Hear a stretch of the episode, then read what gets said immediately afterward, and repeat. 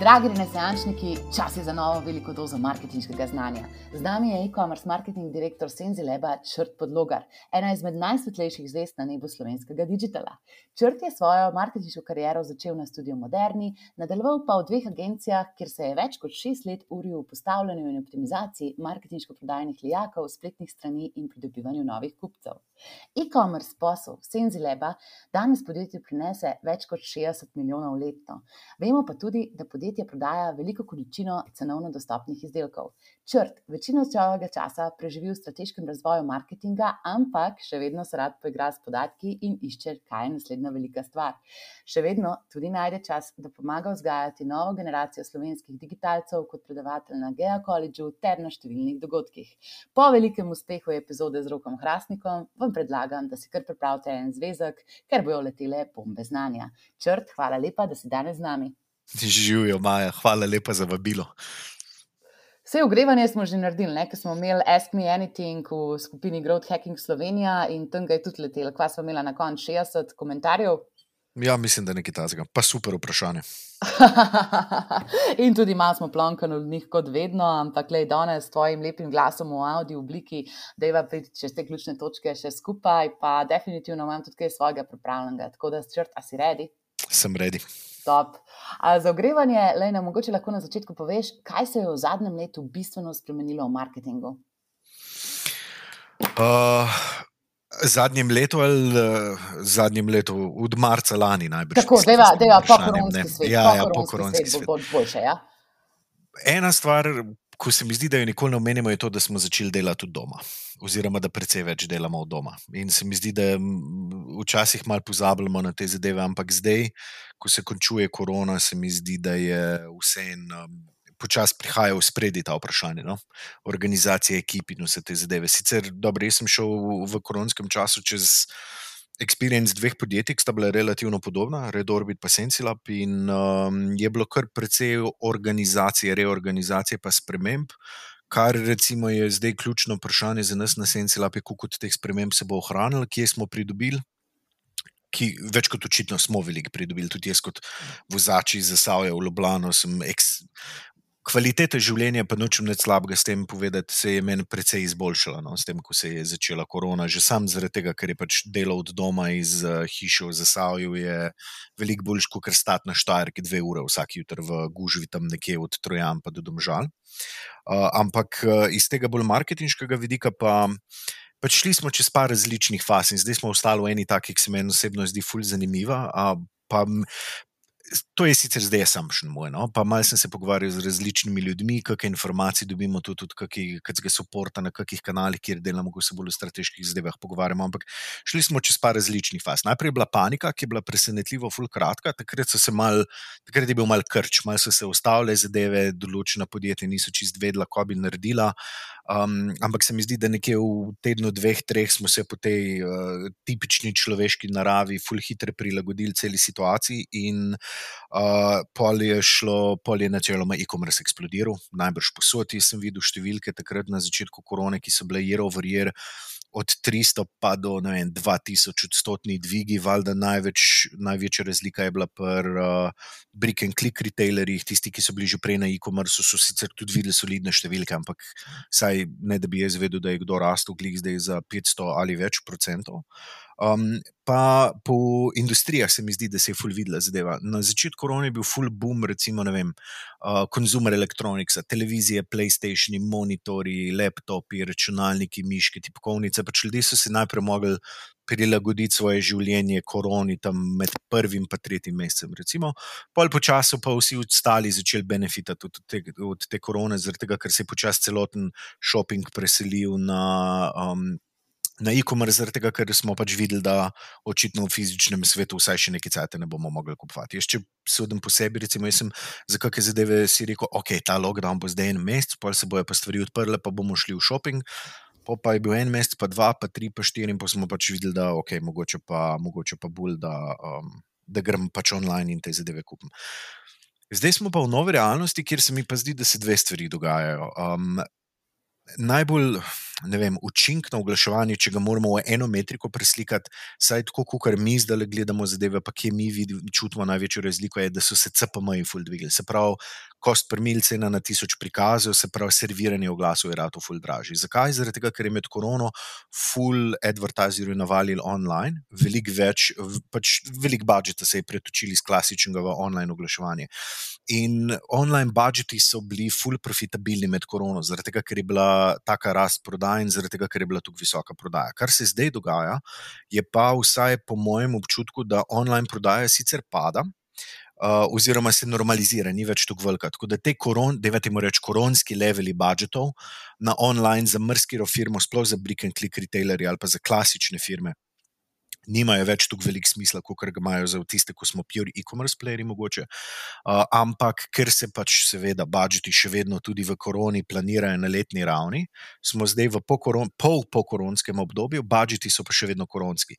In šele z januarjem 2022 se bodo te budžeti prilagodili na novo stanje, zaradi tega, ker je full velik, sploh velikih spenderjev v Evropi, takih, da so precej nefleksibilni.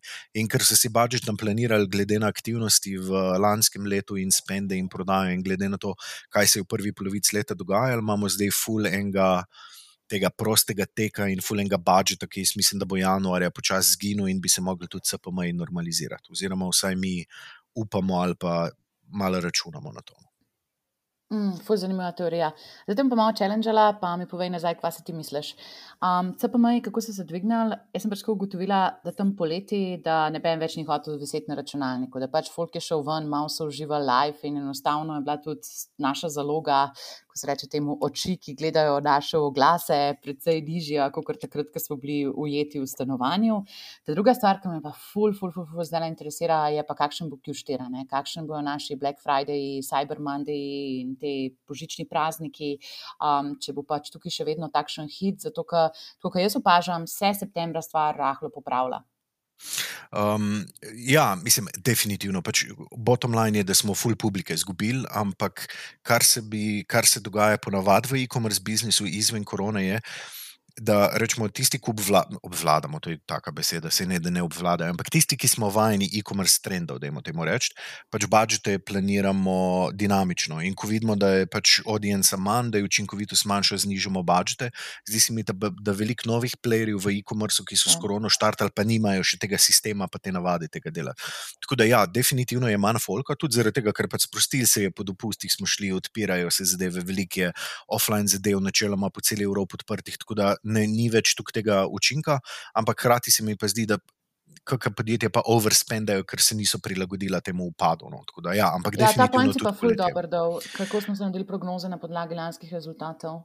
In tudi, recimo, plani, veš, tudi mi v končni fazi, sicer smo bili relativno konzervativni v rasti, ampak ful velik podjetij, s katerimi se pogovarjamo, ali pa advertiserji v teh podjetjih, pač plani so še, pač year over year growth, še vedno, saj po mojem mnenju, predvideva pač full lockdown in full velik impact korone, ki jaz mislim, da jaz ne vem zakaj, ampak noben noče planirati padanja v e-commerce v pokoronskem času. Jaz sem zdaj počasi tudi v bupu nad tem, zaradi tega, ker se noben ne strinja z mano, tako da očitno se jaz motim, ampak um, malo bolj konzervativno se mi pa vsem zdi, da bi bilo treba zadeve planirati. No? Ampak um, se mi pa zdi, da si nekako bolj v tej established, kar se kuštir tiče. Recimo, no? Jaz mislim, da bomo veliko bolj v teh normalnih gabaritih. No? Pač zrela multi channel podjetja, 5 do 10 odstotkov, relativno rasto, hitro rastoče podjetja, mogoče 20 do 30 odstotkov, je overjer, vse ostalo, kar je pa nad tem, pa jaz mislim, da je izven dosega vseh, ki niso zdaj res neki exponential growth uh, companies ali pa ko imajo neke fulvelike um, investicije v zadnji. No. Pač, uh, od teh um, 30 plus odstotkovnih rasti je overjer, se pa mislim, da lahko počasi poslovimo za nekaj časa, ampak ful hvala za tale odvodnik. Bil je idealna istočnica v to, kar se bomo pogovarjali zdaj. Se pravi, Senzilab, ne, ful zanimivo podjetje, poznamo ga malo že po roku Hrastniku, videla sem tudi skupaj delala na studiu Moderni, tako da vajda zgodovina še že še dalje. Ampak, bi nam lahko zdaj mogoče za tiste, ki ne poznajo dobro Senzilaba, malo opisal, kva delate, pa kje so e-commerce motori, ki poganjajo vašo rast. Okay. Um, Senzilab. Uh, Sensilab je bolj kot ne pure e-commerce player, bolj kot ne pomeni, da v Sloveniji, pa tudi neke določene mere na Hrvaškem, smo še mal proper multichannel, v Sloveniji imamo par trgovin, določene produkte v lekarnah, vidite oglase po televiziji, kakšne zadeve se po radiju rolajo, ampak overall po večini Evrope je pa to pure e-commerce uh, player. Um, ampak kot firma je pa v bistvu pol deloma B2B eksporter, deloma je white label producer. Um, OTC produktu, food supplementu, weight loss izdelku za različne blagovne znamke po Evropi, kar je en manjši del biznisa, večji del biznisa je pa prodaja prehranskih dodatkov, pa weight lossa preko naših lastnih brandiranih e-commerce trgovin, trenutno na 19 trgih, pa nekje varira med 70 in 80 število e-commerce trgovin, ki jih imamo. Varira pa zaradi tega, ker smo bolj ali manj aktivni na določenih trgih, glede na to, ali je high season za weight loss ali pa ne. Razmerje med weight loss in ostalimi food supplementi, se pravi razno razni vitamini, dodatki, detox in take stvari, pa bi jaz rekel na pamet nekje 70-30. Definitivno smo primarno weight loss company oziroma weight loss brand, sekundarno pa food supplements, kar je fulj zanimivo, ker res nisem ta zgolj vtis imel v Senci Labo, ko sem štartil. Zaradi tega, ker delaš kot kot lekarniški brand. Tako, tako. Uh, tudi jaz, um, zaradi, dobro, deloma zaradi tega, ker je Senci Lab brand najbolj prepoznan. Mi imamo še par drugih brandov, največji tri, ki sledijo Senci Labu, so Slim Joy, ki je precej weight loss, uh, Talks, ki je precej weight loss, pa Paugen, ki je precej weight loss. Um, tako da na, na Senci Labu je pa tudi par produktov, rečemo, imamo par linij vitaminov, imamo hepafar, ki je, kukar ga vzameš. Iz ene strani ga gledaš kot eh, liver detox uh, in neko kuro za boljšo prebavo, bolj zdrava jedra in, uh, in generalni detox telesa, ampak hkrati ima pa tudi weight loss angle uh, zraven, tako da je pa zelo odvisno od tega, na katerem trgu, na kjer prodajni nagovor ali pa pristop do promocije produkta, recimo, bolj dela. Ampak ja, jaz sem Sensilab tudi veliko bolj doživljal kot nek um, skoraj OTC brand, mogoče. Uh, ampak ja, da je definitivno weightless. Uh, over the counter zdravila, se pravi, ne okay. vem, lekadoli in take zdaj bi bili tipični primer. Uh, imate pa pa tudi razno razne magnezijeve šumeče tablete in take stvari. Recimo, in jaz sem si veliko bolj predstavljal nekje v tej sferi Sensilab, ampak um, po pa, ko greš v drobove, pa ko vidiš prodajne številke, pa produkte, pa vse te zdaj pa vidiš, da je weightless glavni driver in tudi full definira se mi zdi, strategijo, pa stvari, ki jih dela Sensila, pa tudi kaj za nas funkcionira, kaj pa ne. No. Pa ena pomembna zadeva, tudi zaradi konteksta, mogoče če, za vse, kar se bomo naprej pogovarjali. No, ker se mi zdi, da ja. včasih, sploh ker si vprašala za growth driverje, no, um, se mi zdi, da ful velikrat, ko se pogovarjamo o strategijah, pa temu, kaj dela, pa kaj ne dela, pa kdo naj kire zadeve proba, se, se kontekst premalkrat uporablja. Tako da pač kontekst, ki ga je treba razumeti za Sensilab, je, da mi proizvajamo naše lastne izdelke, večinoma uvažamo surovine v relativno velikih količinah, kar pomeni, da mi lahko relativno poceni te naše izdelke proizvajamo. Ne rabimo nobenega middlemana tukaj plačevati, logistično je cela operacija veliko cenejša, kot če bi mi imeli neke manufacturere naših izdelkov po Evropi, Kitajski ali kjerkoli drugje in bi vse te stvari pa uvažali v Slovenijo in razvažali po vseh ostalih državah. Tako da to je ena pomembna zadeva, druga je pa, da je Sensi Lab high volume, low price um, retailer, kar pomeni, da naš average order value je odvisen od trga nekje. Uh, ne vem, 30-40 evrov, recimo, customer lifetime value je od 40 do 70 evrov, da je vareč, gledava pač celotno firmo skozi celotno zgodovino, valjda imamo bolj pa manj profitabilne segmente. Um, in mi imamo zelo veliko količino naročil z relativno nizkih vrednosti. Tako da je to kontekst, skozi katerega je treba gledati stvari, o katerih se bomo pogovarjali. Če nekdo prodaja televizije za Jurija z zelo nizko maržo, ali pa če nekdo prodaja lastne tehnološke izdelke, ki so precej dragi, pa imajo, pa imajo relativno dobro maržo na njih, se bo tak biznis čist drugače obnašal kot mi. In veliko stvari, ki se mi dva danes pogovarjava. Je treba zelo dobro razmisliti, ali imajo smisel za tako, za tako firmo ali ne. Ej, ful dobro, totalno sem ti hvaležna, črt, da si uh, kontekst omenil. Mogoče še en add-on, a ne je tudi ta regulacija, ki jo moramo povedati. Se pravi, vi si tudi na weight lossu, verjetno ne morete vseh sporočil. Ne vem, pogledala je kruh in se je zredila prvoščati. Ampak so ne, neke ne. regulacije tudi. Uh, mislim, ja, generalno je tako. Uh, regulacije pridejo z tem, ker so vsi naši produkti z redkimi izjemami, ker recimo vse, kar vidite, praškov, vse, kar vidite, kapsul, um, so načeloma naši lastni produkti, se pravi, sašeji in take stvari, um, kar mi ne delamo in-house čaj, zaradi tega, ker pač nimamo enostavno kapacitet, da bi čaje proizvajali. Tako da za te stvari najdemo proizvajalce znotraj Evropske unije, ampak vsi naši produkti so sorsani. Večinoma, naši, meni so, men so naši produkt, uh, product developeri ful dobro povedali. Uh, sem sprašal, ali je to kitajska roba, je to na teg, ali je kvalitetna roba. In sem rekel, lečert, vse, kar lahko dobimo v Evropi, kvalitetno kupimo v Evropi. Edina stvar, ko ni iz Evrope, so recimo, ne, če ena roža rase sam na pobočjih Nepala, jo ne moremo dobiti iz Evrope, jo bomo dobili iz pobočja Nepala.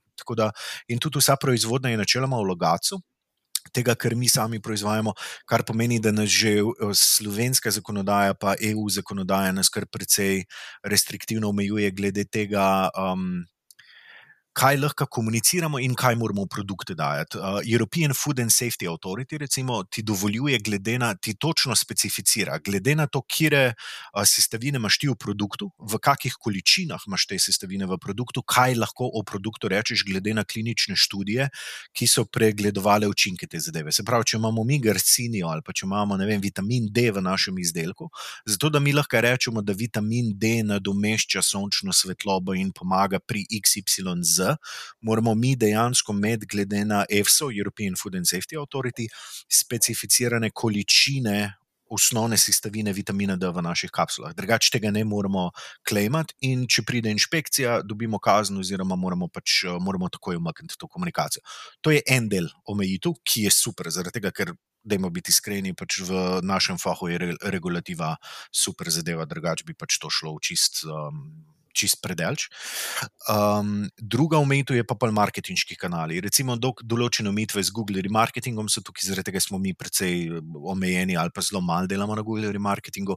Facebook je pa isto full omejen, before, after fotke, recimo, ne smeš uporabljati, da damo debelo žensko, ki je potem skušala, tudi če je to naša stranka, ki nam je dala vsa privoljenja in je dejansko skušala z ne, kombinacijo naših izdelkov pa uh, exercise v roku enega leta in ona podpiše, da je to res in sveto priseže mi tega ne smemo uporabljati. Um, tako da tukaj ena zadeva je pa, ena zadeva je pa Facebook. In mi, ko vidimo, kakšne manjše brende, pa zdaj, ko smo recimo postali uh, del večje družine, um, ko vidimo ostale um, naše brende oziroma naše. Uh, Bratske in sestrska podjetja, ali kako bomo temu rekla, um, ki, niso, ki nimajo tako velike Facebook spende, načeloma unizalaufajo, ne vem, um, dinamični remarketing, uploadajo katalog, 90% produktov zavrnjenih, dajo gor 10 oglasov, vseh 10 oglasov zavrnjenih mi, zaradi tega, ker imamo tako velik spend in ker smo še ta pravcaj eh, štartali oglaševanje v Sloveniji, smo v bistvu direktno managed client, kar pomeni, da imamo direktni dostop do Facebooka in ogromen del teh um, rejectionov urejamo in menedžiramo ta, na ta način. In imamo prav processes in place, ki skrbijo za to, da rejecta ne, da se preverja, da jih Facebook pogleda, če so dejansko problematični in jih pol človek odobri, zaradi tega, ker valjda algoritem je veliko bolj agresiven, pa veliko bolj um, dinaja stvari, kot kar bi dejansko mogel, zato da je Facebook on the safe side. Tako da v našem biznisu biti brez, da si manage client ali preko nekega posrednika, tako kot je HTTP za našo regijo, recimo, ali pa tako, da si direktno manage client pri Facebooku, je, po mojem, jaz si ne predstavljam, kako lahko oglašuješ na Facebooku. Aj, sigurno. Pa malo sem zastrigla z ušesi, ki si rekel, da ste zdaj del večje družine. Um, ne vem, če je ta novica že uradno zunaj, kakšnega blaznega prestrelisa nisem videla, da bi delili tam nek na LinkedIn, ampak a je že uradno? Uh, ja, ja, ja um, si drugačni niti ne bi omenil, ampak. Uh, bilo, bilo je, LinkedIn objave so bile iz obeh strani in vse, ampak um, Sensilab se je, uh, se je pridružil skupini Vision Healthcare. Uh, Vision Healthcare je pa pretežno nizozemska um, skupina, ki zdaj združuje kar precej uh, food supplement in weight loss brandov po Evropi, in v bistvu ideja celotne skupine In zakaj je bil tudi Sencila po to akvariranje, da kupujejo različne brende v različnih državah z različnimi ekspertizami oziroma channel mixi. Tukaj imamo multi-channel firme, imamo primarno online e-commerce, pure player, kot smo mi, kakšne Facebook driven, kakšne Google driven, kakšne SEO driven, imamo Amazon biznise, imamo pure subscription biznise, imamo door to door ali pa um, ne vem, neke te at home party modele, kjer so ljudje pač predstavljali drugim ljudem produkte. Se pravi, praktično celoten channel mix je reprezentan in vsaj en success success case vsakega kanala je zdaj prisotno v skupini.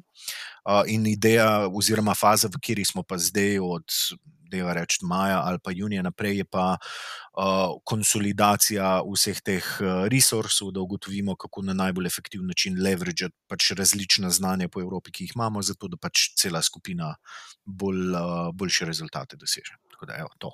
Ej, noro, čestitam, full, full, full, full, amazing time, da si s firmo. Zdaj pa sam povej, kako pa je z nizozemci delati, ali so nizozemci kul, cool, ali so pedantni zelo, kakšni so nizozemci. Pa ni, ne vem, če je glih neka ful specifika nizozemcev. Zaradi tega, ker recimo skupni projekti, v kateri sem bil zdaj vključen, rečemo, danes sem, don sem bil na klicih z Nemci, z nizozemci, z Angleži, z Španci, recimo, tudi mi smo itak full international, veš, tako da. Um, Ne vem, se mi zdi, da je tak miks, da težko rečeš, da zdaj pa ena kultura ful dominantno dela zadeve, ampak se mi pa zdi, da so razlike v, precej velike razlike v firmah mi smo precej uh, rečemo, kakšne firme smo bolj agilne kot druge, ali pa um, imamo čist drugačne kanale, in polje tudi struktura ekipe je full drugačna. Veš, mi zaradi tega, ker smo tukaj Facebook driven, ma, rabimo full strong creative department in zaradi tega, ker imamo full poudarka na weight lossu in zaradi tega, ker um, je pač treba res najti te sales angle, imamo full močen copy department, recimo, kakšni drugi, kakšni drugi biznisi, ki so subscription driven ali pa email driven ali pa tisti, ki so primarno SEO tam gor rasel, nimajo kreativnih departmentov departmentu, oziroma niso tako veliki, ne, ne delajo kreativno na tak način, kot mi. Tako da tukaj se mi zdi, da bolj kot bo treba um, združiti različne um, kulture, bo treba združiti različne biznis modele, pa strukture in se tudi navaditi. Veš, in tudi en drugega zdaj malo uh, učimo, pa se spoznavamo s KPI, s tem, kako zadeve delajo. In tako naprej. Ker mi sicer delamo Amazon, ampak več, je to ena omejena ekipa, jaz recimo, ful mal vemo o Amazonu, tudi težko bi karkoli pametnega po fejku v njemu. Um, pa, pa se pogovarja z nekom, ki so pa eksperti v Amazonu in so gore zrasli z njimi in praktično 90% revenue je drivajo na Amazonu. Čist drugače mi gledamo na biznis, na kupca, v drugačnem stiku s kupcem, smo drugačno channel strukturo, imamo KPI s tem povezani. No? Tako da se mi zdi, da so večje razlike kot v nacionalnostih. Ej, kako lepo. To je bilo sicer tri question, ker sem sam čakala, da boš rekel, da so nizozemci pragmatični. To se ni naredilo, si pa dvakrat ponovil besedo KPA. KPA si pa rekel dvakrat. Tako da logično naslednje vprašanje je, katere metrike so ključne v tvoji liniji dela, oziroma katere KPA spremljate. Mm, ha, odvisen kdo je, po mojem, prvo vprašanje. No, ti kot e-commerce direktor, ajde. Revenue, net margin, EBITDA anything else doesn't matter, načeloma. Vsaj ne na tem big picture nivoju. Imam, rečemo, vem, za mene relevantnih na firmi je mogoče 230 reportov, ampak na podlagi treh reportov se pa odločiš, ali gremo ostale gledati, ali smo good enough, ali smo super great. Um, ali pa če gre pa slabo, pa glede na te tri reporte, vidiš, kje ga je treba gledati. Ali bo nek specifičen kanalni report, ali bo market report, ali pa tako naprej.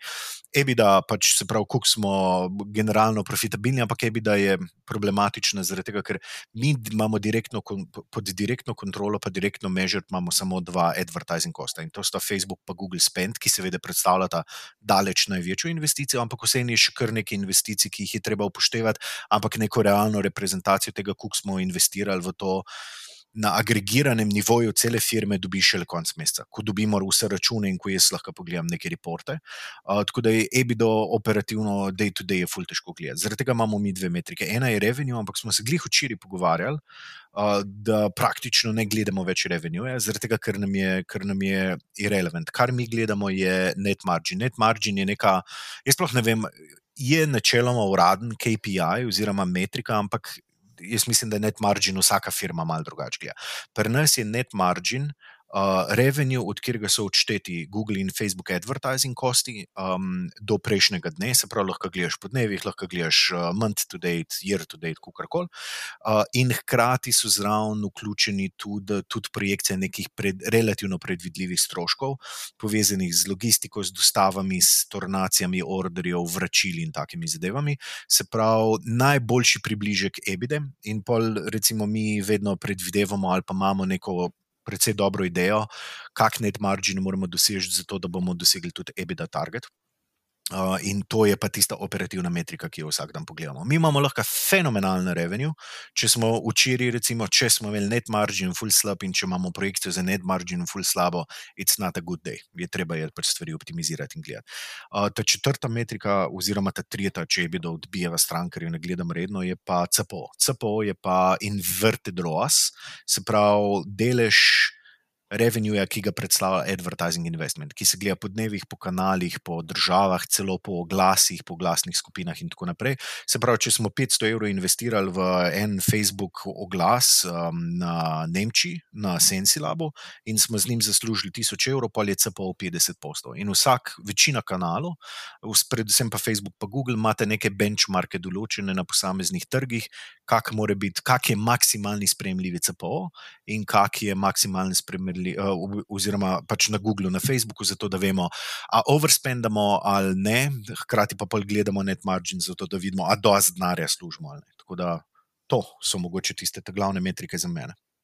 No, ti si takšen drop the mic person, ampak lej, jaz si moram zdaj tukaj le s svojimi prijatelji, ker Simon Belak malo pomaga in zdaj bom jaz čenila malo tukaj le Simona Belaka. Ampak kako pa dobite te podatke na dashboarde? Uf, um, ne, aha, ne, okay, ne, da je bilo dobro. Ja, ja, ja, ja, ja. Mm.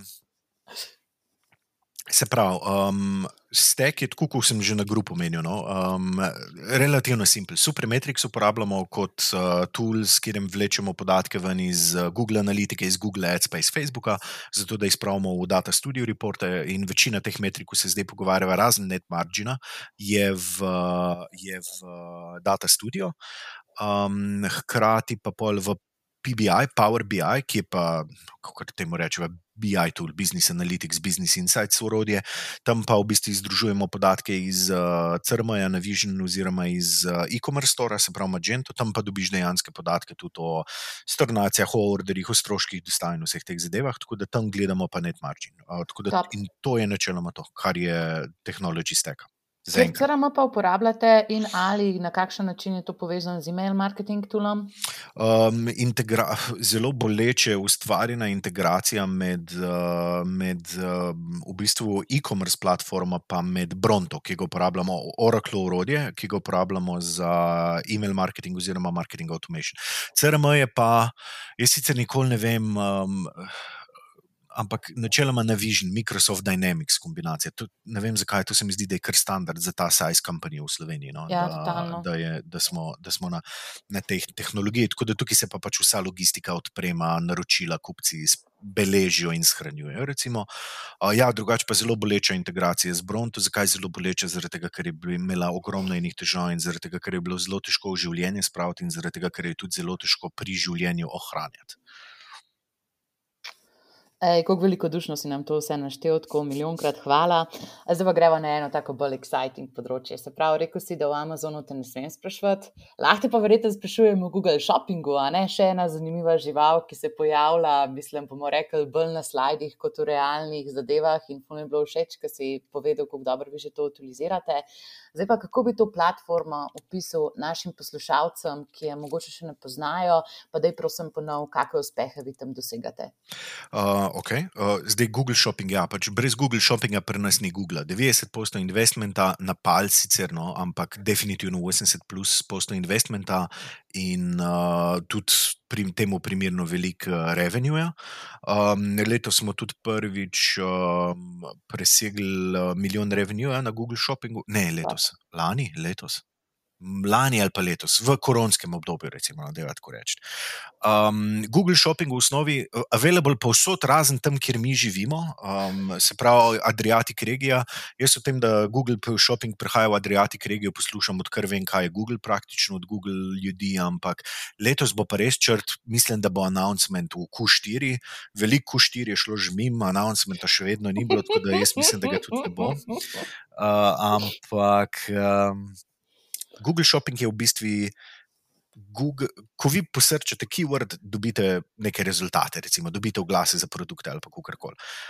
Na to dajte ultimativni price comparison tool in e-commerce shop category page, in v bistvu dobite Google Shopping. Tam se kažejo produkti s cenami, z vendorji, ki jih prodajajo, z reviewji strank iz tistih strani, kjer so bili kupljeni z zvezdicami. Lahko si dodatne reviewje pogledate za te produkte, vse cene imate od različnih ponudnikov in pač lahko si pač zberete, od koga bi radi produkt kupili. Primarno je sicer ustvarjen zato, da je bil narejen kot primerjalnik računalnik, recimo, ne, če tipkate noter laptop, ThinkPad, vem, ta pa ta, boste dobili vse ThinkPade, ki so na voljo in vsi ljudje, ki jih prodajo na vašem marketu. Tako da je precej nadomestil Google, uh, klasični Google Search. V oglaševanju, kot to, kje se največ klika, pa kje, kje se največji deleži uh, trafika dobijo, in je zelo, zelo uh, sales-oriented zadeva, tako da so, seveda, temu primerno tudi um, revenue, so fenomenalni. No. Kako dobro slišati. Pa ja, zdaj sem videl, da naše podjetje ne vem, če nekaj neki ne premišljajo o tem, razen tistih par, ki mogoče prodajajo v Ameriko. Um, ampak ja, ful, ful, ful, ful, ful, zanimiva zadeva. In zdaj ne vem, strategistov na tem področju Google Shoppinga v Sloveniji, po mojih informacijah, ni. Pa si reči, da imam precej dobre informacije. Tako da, kaj bi bil tvoj um, nasvet, kako bi ta kanal testiral, kako se tega lotiš?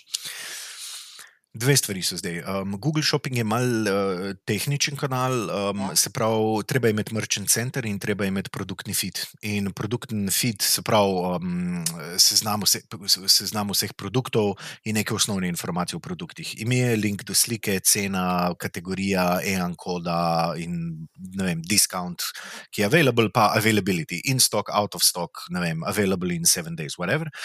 To se importa v Google Merchant Center in je tam na voljo. Celotno vrst seznam produktov, ki ga Google lahko poskrepa in pobere in uvozi v Google Shopping in tam vaše produkte kaže. Tako da na prvi pogled, full tehničen kanal za advertising, nekaj tazga kot dinamičen remarketing, nekaj, kar se ne bi zdaj ti full ukvarjal kot advertiser s tem, kako zadeve izgledajo. Ampak ima tudi neke določene omejitve, velikost slike, minimalna, maksimalna, velikost filev, število znakov, ki so lahko v produktnem opisu, v produktnem imenu in tako naprej.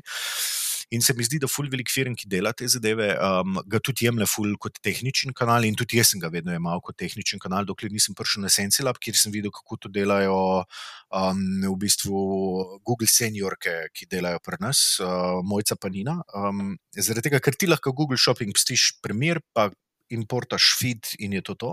Ampak se ti naredi, da bojo pro, produkti eh, zavrnjeni, se ti zna narediti, da bojo slabi click-through rate, da ne boš najbolj optimalnega izbora keywordov imel v imenu produkta ali pa v descriptionu, da boš uploadil produkte, ki nimajo dosti reviewjev, da boš imel sliko, ki se na mobile prikazu Google Shoppinga pokaže kot full mehna, ali pa boš imel vem, sliko škatle, namesto da bi imel uh, neko plen sliko škatle, namesto da bi imel lepo sliko kapsul in zraven, uh, ker, ker so ingredienti neko sadje, zraven sadje in vse te zadeve. Se pravi, čeprav si full omejen v smislu tega, kako lahko izgleda tvoja kreativa, air quotes.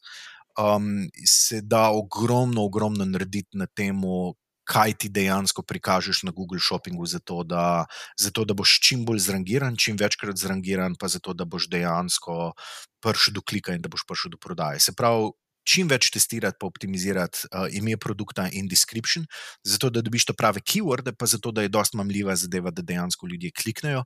Reviewi so ekstremno pomembni, zdaj lahko imate na pageh implementiran Google Reviews, ki so avtomatsko integrirani z Merchant Centrom.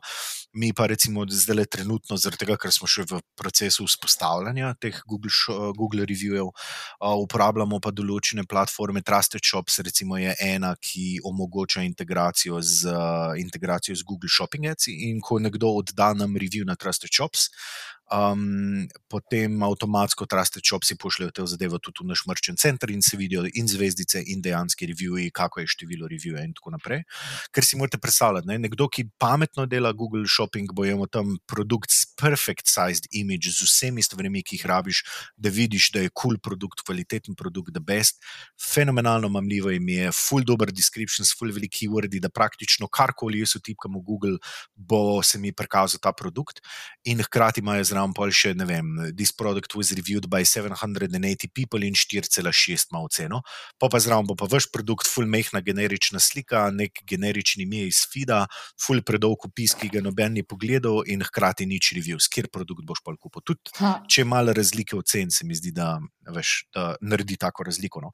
Tako da um, to so, po mojem, tiste ključne zadeve, ki jih je treba tukaj gledati. No. Kdaj znajo tudi eh, landing page, ki vplivati, sploh pri tistih, ki imajo malo bolj borderline um, kategorije ali pa industrije, ki jih Google ne mara najbolj. Tako da mi, se, mi velikrat tudi imamo, tukaj, tukaj je tudi cel proces disaprovenih oglasov, kjer je pa treba pogledati, ok, demo ga probati sam še enkrat poslati v feed, pa da vidimo, ali bo delal. In pa če se je Google res trdno odločil, da zdaj pa tukaj nekaj narobe z eno besedo v tem oglasu. Um, ga prepišemo, pa menjamo besede, ki so problematične, ali pa niso, ali pa kakorkoli. Včasih so full finese pomembne in je res treba pametno menjati tudi ključne besede, ki jih uporabljaš v oglasu. Recimo na enem od naših trgov, sklepam, da je španščina, ker je po mojem španska beseda, ampak iz nekega razloga Google Shopping sovraži besedo fat burning, hema de grasa ali nekaj tasga, kar je sicer dosti problematično, če probaš ti fat burner prodati, ampak če hočeš na Google Shoppingu fat burner prodati, ne smeš hema de grasa med noter opisu, ker bo drugače avtomatsko produkt disapproven. In je treba biti pameten, najti workaround, neko rešitev, kreativno ali kako koli. Tako da tukaj, so, tukaj je pač naša Google ekipa um, res. Izpila to do praktične umetnosti in nekaj, kar je zelo tehničen kanal, v bistvu tretirajo kot nekaj, kar si zasluži, absolute copywriting, masterpiece, brilliance attention. Ej, noro. Pa sam še ena stvar me zanima. A Google Shopping za vse poslušalce, ki imajo morda pač malo biznise z manjimi izdelki, se ti zdi, da pač rabiš imeti 10.000 skujev, zato da greš tja, a se da tudi narediti s čim manjšim? Jaz bi rekel, da ne. Mislim, mi imamo rečemo, in total 300 skujev, meaningful sales generira 40 do 50 skujev, na Google Shoppingu dominira 10 ali pa 20 skujev. Zaradi tega, ker Google Shopping je večinoma optimiziran na uh, sales performance, target ROAS smo nastavili in ali pa ne vem, target cost per acquisition in na podlagi tega zadeva dela. Tako da tudi, če mu vi naloadete noter 10 tavžen produktov, v veliki večini primerov, si bo Google zbral en specifičen assortiment tistih, kjer naj najlažje dosegati te rezultate, pa pa seveda bolj, bolj kot so top performerji, top, več lahko še Google Shopping pol sabo potegne nekih low performerjev, pa jih proba mal pušati, zato da čim večjo širino dobi, pa zaradi tega, da čim večji sales uh, volume recimo, doseže. Ampak jaz bi rekel, da tudi pri 30-40 se splača, ker na koncu koncu je tako važen in prejšnji so važni. Če imate produkt, ko se ga full išče na Google Shoppingu, pol se vam pač splača zraven biti, pa tudi če imate samo en produkt. Ej, full dobro fair and square, kot vedno. Dober je, Ej, zdaj se pa že prej dotaknila tega vprašanja, ki pa pričakuješ, da bo zdaj v Q4 na naših Black Fridayih, Cyber Mondayih, kje bojo padali rekordi, kako ste vi naredili kakšno alokacijo, oziroma um, na kjer kanal računate, če se enostavno vprašam. Tukaj te bom mogel pa razočarati. Zaradi tega, ker jaz ful ne računam na Black Friday. Uh, mi generalno ne računamo ful na Black Friday. Okay. Mal, ja, mal na problem... hardwareu je drugače. Ja. ja, pa mal problematičen biznis smo zaradi dveh razlogov. Primarno eno, zaradi tega, ker smo full discount driven, veš, pri nas bo velik 20%, 30%, 1 plus 1, 1 plus 2 in tako naprej. Zdaj, seveda, odvisno od kanala pa tega se pogovarjamo z returning customerjem ali z novim. Ampak um, eno je to, da itak. Pocen produkti, ki so že sicer diskontani, težko nek wow, mega boom narediš za Black Friday, da to je pa zdaj never miss this opportunity, če je skus available. Ta drug problem, ki ga imamo, je pa, da je za nas Q4 full off season. Pri nas je. A, ker se vsi že resigniramo. Eh, to in pač vsi ste že obupali in veste, da decembr bo akcija in bojo potice in bojo, in bojo pečenke in bojo kuhana vina v centru in pač nobody cares about weight loss. Uh, in za nas sta dva specifična pika, tudi za new customer acquisition, recimo januar, ko se vsi odločijo, this is the year I change everything. Um, in pol april, maj, juni, juli, se pravi začetek poletja. Recimo. Po pa čez poletje, relativno solidno, ampak nič spektakularnega, pa pa je tak nek steady decline. Uh, tako da je tak, taka zanimiva industrija, zaradi tega, ker en pol, pol meseca v letu gledaš, a dosta raseš, manj to manj, te drugo polovico meseca pa gledaš, a dovolj malo padaš, ker valjda boš padal, manj to manj, ker je neizvedljivo, veš, da imaš novembra ali pa oktobra iste rezultate, kot si jih imel v avgusta. Recimo. No, zanimivo. Ta sezonska komponenta, mislim, da si jo ful dobro pojasnil. Veš, kaj mi pa ni jasno. Zato, ker septembra, pa oktobra, veš, mi pa zdaj, da je, jaz rečem temu novi januar. Ne vem, te pač tako, potem, ko si prišel iz poletja nazaj, da pač tako rečeš, se je zdaj pa za res, da pa do konca leta stisnemo, da pač to si zadamo in ti pa praviš, da v prodaji se pa to ne pozna. Kva? Ne vem, probavamo back to school, back to fitness, back to gym, back to university. Ja. Ok, zdaj si lenaru, zdaj pa dej se vzemo roke, pa je to fitness, pa začni še fat burner, zraven je mat ali pa kakorkoli, ampak ne prime. Jaz sicer ne vem, včasih imamo kako debato debato, če mogoče je to tak self-fulfilling profesija. Veš, ker smo je nekajkrat probali, ni šlo in smo zdaj nekako se predali temu, da pač septembra, pa oktobra, pa pač ne grejo stvari tako dobro. Pa da ne bo pomote, to ne pomeni, da nam prodaja pade na karkoli ja, blizu vede. nule. Sam manj spektakularno profitabilne so stvari, pa manjši volimi so, pa ne podiramo rekordu, ni pa da to zdaj pač, da gremo vsi pač v zimsko spanje ne, za tri mesece. Tako da jaz ne vem, ali smo malo sami sebe obsodili na to ali ne, ampak mrske smo že probali, pa nekako pa nekako ne funkcionirajo te stvari. No. Sicer je tukaj ta drugi del biznisa, ki so vitamini, food supplementi, ki jim gre boljš in so v bistvu tudi zelo strateško se razvijajo, zato da offsetajo ta sezonality. Ker ko je weight loss sezona, ni food supplement sezona, mogoče januar, recimo s temi prehladi, pa gripami, pa temi stvarmi. Um, ampak se mi zdi, da portfelj. Mogoče ni še tukaj establishen, ali ali pa ni še tukaj če bom rekel, da je razvit po mojem krivico product developmentu dela mesa, mislim, da nismo še. Dost zbildali te kategorije oglaševalsko, zato da bi nam res lahko pomagali v teh off-season mesecih, kar je bila pa full specifika korone. In smo recimo novembra podirali rekorde, lani je bil pa vitamin D, ki je čist ja. nepričakovano, mislim, nepričakovano eksplodiral mi smo ga slučajno odkrili relativno zgodaj, zaradi tega, ker je na Google Shoppingu evo, glih, uh, začel full ven skakati kot bestseller, suddenly, na slovaškem pa na češkem, ker mislim, da je tam ta prvi, ta prvi en zdravnik objavil, da vitamin D pomaga pri koroni ali bolj milemu, blagemu prebolevanju korone ali karkoli in ta zadeva je eksplodirala. In kar naenkrat je bila na vseh reportih bestseller na Google Shoppingu za češko pa slovaško in pol se je začel, pol se je pač začela zadeva premikati počasno. Uh, tako da to je bilo fenomenalno. Jaz, sicer vidimo, da je, še, da je spet popularen zdaj, rad, ko prihaja off-season, ker vedno smo ga mi prodajali, ampak smo ga prodajali kot živiš na finskem, malo sonca, vitamin D, ne pa this will save your life. Veš, se tudi pol nismo tega nikoli komunicirali, nismo se fully striktno ja. držali, uh, ampak se mi zdi, da so pač ljudje sami se pač to zgodbo ustvarili okoli vitamina D in to je bilo res uh, crazy. No. Jaz, redko kdaj sem videl tako eksplozijo nepričakovano no, v svoji karieri.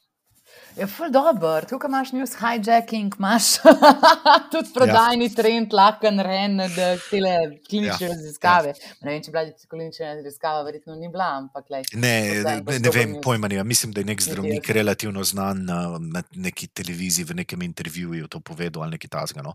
Pol so se pa itak ful hitro začeli vsi te članki pojavljati. Veš, pa pa je enkrat bandwagon is moving, pa pa sam skačejo gor, mi pa, pa smo sam naročili več surovin. In zmagali, hej, the best. Ok, čr, če pa praviš, da imamo mi eno tako sezon, ki pa pač kuka. Da, da ni največje akcije, zdaj trenutno, pa sigurno ti veliko razmišljaš, katerimi novimi kanali bi še eksperimentiral v naslednji sezoni. Zdaj poveš, čim se kaj intelektualno poigravaš. Ok, mislim, intelektualno poigravam. Um, mogoče sem zelo na hitro spet malo konteksta. To, vprašanje, ko, se, ko smo ga prej načela, pa ti pa nisem v bistvu ugotovil. Engines of growth v tem trenutku. Ja. Um, Facebook, Google sta glavna driverja. Google bolj profitabilen kot Facebook, pa mogoče to je ko se pogovarjamo o engines of growth na Senci Labo, pa po mojem, kjerkoli drugi firmi, je treba v tri kategorije te engines of growth dati. Ena, engines of growth, ki se vsi strinjamo, da to so, engines of growth, ki sklepamo, da to so, pa engines of growth, kjer se ne strinjamo, da to so. Mi vemo, da Facebook full drive prodaje. In brez Facebooka ne bi bili tam, kjer smo. Google mu zelo dobro sledi, je bolj profitabilen, ampak hkrati se tudi strinjamo, da je v nekem odstotkov odvisen od Facebooka, zaradi tega, ker če drugega ne imaš full branded trafika. Sicer, recimo, ko gremo mi pogledati, kak delež kupcev iz brenda na Google Shoppingu je first time buyerju ali pa repeat buyerju, vidimo, da je full, da je 40 do 50 postov, recimo, first time buyerju, včasih celo več, odvisno od marketa. Tako da ni, da se samo returning customers šlepajo na branded paid search, tudi novi so, ampak a so zvedeli iz Google ali pa iz Facebooka za nas ali pa iz kje druge, je pa najverjetneje vsaj za soliden procent teh ljudi odgovor Facebook. Tako da um, to je ena zadeva, um, pol je pa ta tretja, ki je pa ful pomembna za profitabilnost in brez tega ni žurke, ki se reče Sensilab, je pa email. Marketing automation pa je sales campaign push. Mi imamo 5 milijonov. 5 milijonov veliko bazo, 2 milijona solidno aktivnih, da je temu reči približen. In um, če Facebook predstavlja nekje 40 do 45 posto prihodka, odvisno smo high season, low season pod marketa, Google predstavlja 15 do 25 odstotkov, spet malo odvisno od marketa, pa seasona. Um, email predstavlja 12 do 18 odstotkov, recimo ostalo je pa pol SEO, ki ga delamo tukaj mal, da sploh me ne vprašati, ker me, mislim, sram kompleksno vprašanje, mogoče bo cajt pol za njega ali pa ne. Tako da tukaj nekje smo. Pa, pa ena zadeva, ki je pri nas fulj pomembna, so influencerji, ampak naši ljudje, senci labuci, skozi pravijo, kako nam influencerji fulj dobro delajo, pa mi pa kdo pravi, res, s katerimi influencerji pa delate. Mi s tem ne mislimo, da ko damo enemu influencerju naše produkte, da bo fulzgen, da bojo njegove objave zgenerirale full cache, ampak mi pa to uporabimo kot user-generated content v naših oglasih, dajemo na page in tako naprej. Tako da to so tisti glavni driveri prodaje. Tam, kjer sklepamo, je, da imamo Facebook overreporting, koliko imamo Facebook overreportinga, pa kako se, kak je razmerje med Googlom in Facebookom, recimo. Um, kjer se pa ne strinjamo, je pa jaz, recimo, mislim, oziroma tudi Google, sam, ko delajo analize naše, mislijo, da je sam približno 20 do 30 posto Google biznisa driven by Facebook in da so to pač neki branded search, vsaj na Google Shoppingu, da vse ostalo bi pa pretežno vrstili v kategorijo generiko. Jaz vseeno mislim, da je ta številka bolj blizu 50 odstotkov, ampak mislim, da je vseeno, da mogoče dajemo mal premalo kredita Google um, v tem trenutku. No. Um, pa ena zadeva, kjer se ne strinjamo, kar se tiče engine of growth. Uh, pa, pa se mi zdi, da generalno ne tretiramo tega kot engine of growth, je pa brand. In če gremo nazaj na vitamin D, je bil tukaj ful dober primer. Recimo, vitamin D je eksplodiral, eksplodiral je po celi Evropi. Pri nas je ful dobro delo na Slovaškem, na Češkem, pa v Sloveniji. Eksplodiral je, eksponentna rast, neverjetna prodaja, ko mi smo dohajali, ful dobre market share vitamina D smo tudi dosegali. Vsi ostali trgi, Nemčija, ki je generalno kot market prodala truckloads more vitamina D, kot pa Slovaška, Češka ali pa Slovenija combined mojem, naša prodaja vitamina D je zanemarljiva. Edina razlika med temi trgi je, kako dolg, pa kako established je Sensilab kot brand, pa kako je precipiran. Edina razlika. To zdaj malo spet, zaradi tega pa so to tisti, del, tisti engines of growth, kjer se ne strinjamo. Ampak eh, na teh trgih je Sensilab, se mi zdi, veliko bolj established kot uh, food supplement brand ali pa nek tak bolj lekarniški brand, kar smo prej na začetku rekli, kot pa v Nemčiji, kjer je primarno dominanten weight loss, recimo ali pa v Španiji, pa v Italiji. In tam nikoli nismo uspeli doseči take rasti z vitaminom D, čeprav je bila strategija identična, v glasi, setup, moment, zaloga, nikjer ni bilo nobenega problema, setup praktično identičen ali pa malo lokaliziran, pa prilagojen, recimo, ampak ni šlo. Tako da jaz mislim, da je tudi brand pomemben um, engine of growth, ampak uh, pač tam, kjer je established, pa za neke določene produkte, za kire je mogoče bolj pomembno. Tako da to je kontekst. Kar se tiče novih kanalov, je pa tako. Zdaj, pred kakim letom smo začeli delati afiliat, pa ga jaz še vedno tretiram kot nov kanal. Zdaj, trenutno smo nekje na 60.000 evrov mesečno revenue, kar je precej zanemrljivo in the big picture, ampak mislim, da je kar precej potencijala, tako da delamo kar precej na temu. Um, tudi testiramo nove zadeve, zdaj recimo bomo tudi probali z eno novo agencijo um, delati na UK trgu, da vidimo, ali bojo kaj drastično drugače delali kot mi, pa, a, um, pa da vidimo, ali lahko tudi kakšne dobre prakse recimo, od njih poberemo. Uh, Twitter, TikTok, Snapchat je nekaj, kar bomo zdaj testirali, oziroma smo v dogovorih, pa planiranju, pa setupu z HTTP-om, zato da probamo na parih trgih, predvsem za te naše malce bolj uh, girly weight loss brende, se nam zdi, da bi TikTok znal biti ultimate winner. Um, testirali bomo Kriteo, kar si bo marsikdo mislil, da je to. Testirali boste Kriteo 2021, ampak da vas spomnim, mi imamo zaradi naše industrije malo problemov z remarketingom na Google, tako da večino remarketing fokusa je trenutno na Facebooku in bi radi videli, kako bo ta zadeva delala. Povej, prosim, sam ljudem, kaj je Kriteo.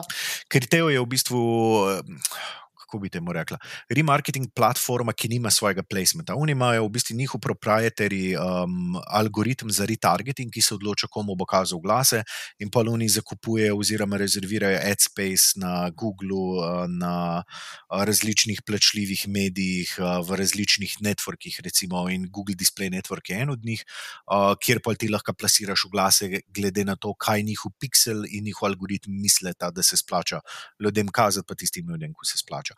Včasih, ko sem.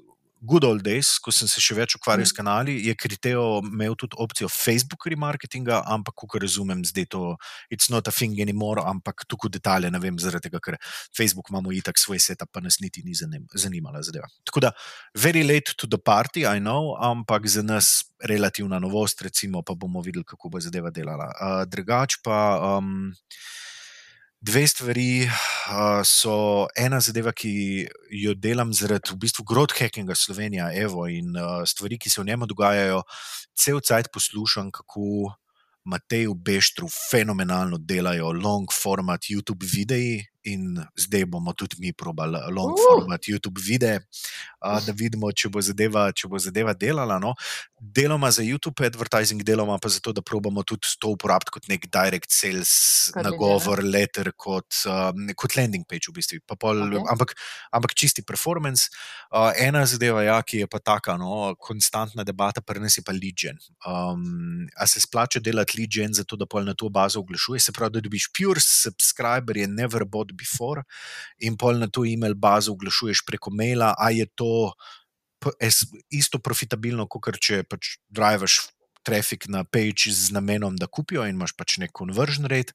Um, in uh, s čim v bistvu te lide zgenerirati, zato da nimaš neke mrtve, slabe baze, ki dejansko pol ne zgenerira nobene prodaje, ali pa rab full velik cajt, zato da pride do prodaje. Jaz sem še oh, vedno firm. To je neka nagradna igra. Ne, ne, ne, ne, ne, ne, ne, ne, ne, ne.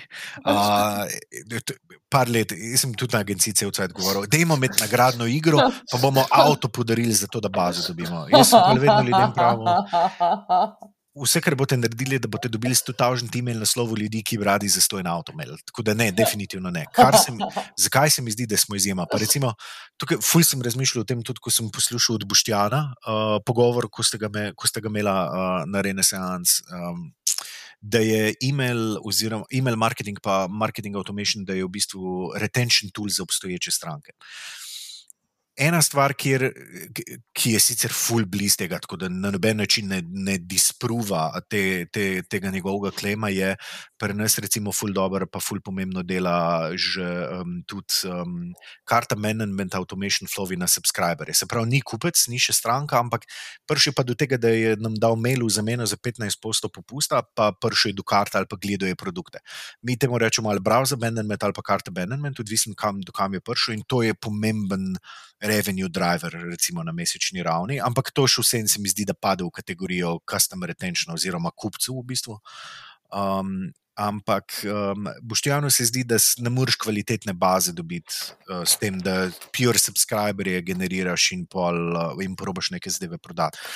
In jaz se strinjam, jaz mislim, da je ful težko in I don't have proof, da se dejansko da ta zadeva delati. Ampak zakaj je meni to zanimivo na Sensi Labo? Zaradi tega, ker je weight loss full content driven. Ljudje hočejo epe, ki ga imamo na parih trgih, za par jezikov lokaliziranega, nikoli res full uspešno spromotenega, pa zbildenega, ampak obstaja, funkcionira, je tam. Ogromno enih e-bookov in člankov in kontenta in receptov in nasvetov in vadb sproduciramo, imamo video vad vadbe, free online gym z različnimi trenerji in različnimi vadbami za to, kaj bi si rad oblikoval, in tako naprej. Kar je do zdaj bil vedno added value content za naše kupce in to dobijo, recimo, potem, ko kupijo prvi produkt. Zaradi tega, ker je full pomemben del našega biznisa managing expectations. En določen odstotek kupcev, 5, 10, 15 postov, odvisno od brenda, pride in kup fat burner ali pa night burner, se pravi nekaj, kar kur maščobe, te cajt, ko spiš, in hočejo v dveh mesecih skušati 30 kg. No way. That's not how it works.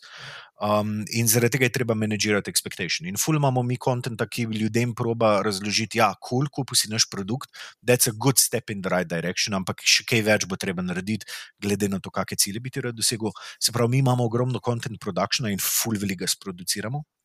Jaz pa, in jaz mislim, da s takim kontentom lahko dobimo ta prave subscribere, ki bi bili zainteresirani za naše produkte in bi res rad probo, zaradi tega, ker je effort je minimalno. Tako da, kar je showstopper ali pa zakaj se pogovarjajo o tem, da bi jaz to rad naredil, potem, ko sem že en, mesec, en let na senci labo, je pa, ker je vedno ena stvar, ki ima večje obete za profit, pa zaradi tega, ker je največji showstopper tukaj dosti velik budget investment najdete, ali pa ta prav brand market mesec najdete, ko ti lahko dosti veliko investiraš v tak eksperiment, da dobiš kritično maso v firmi, ki je full revenue, um, ki je full profit uh, in uh, EBITDA driven. Veš, in skozi gledamo profitabilnost, CPO, ja se nam je splačen investirati, se nam ni ali pa kakorkoli.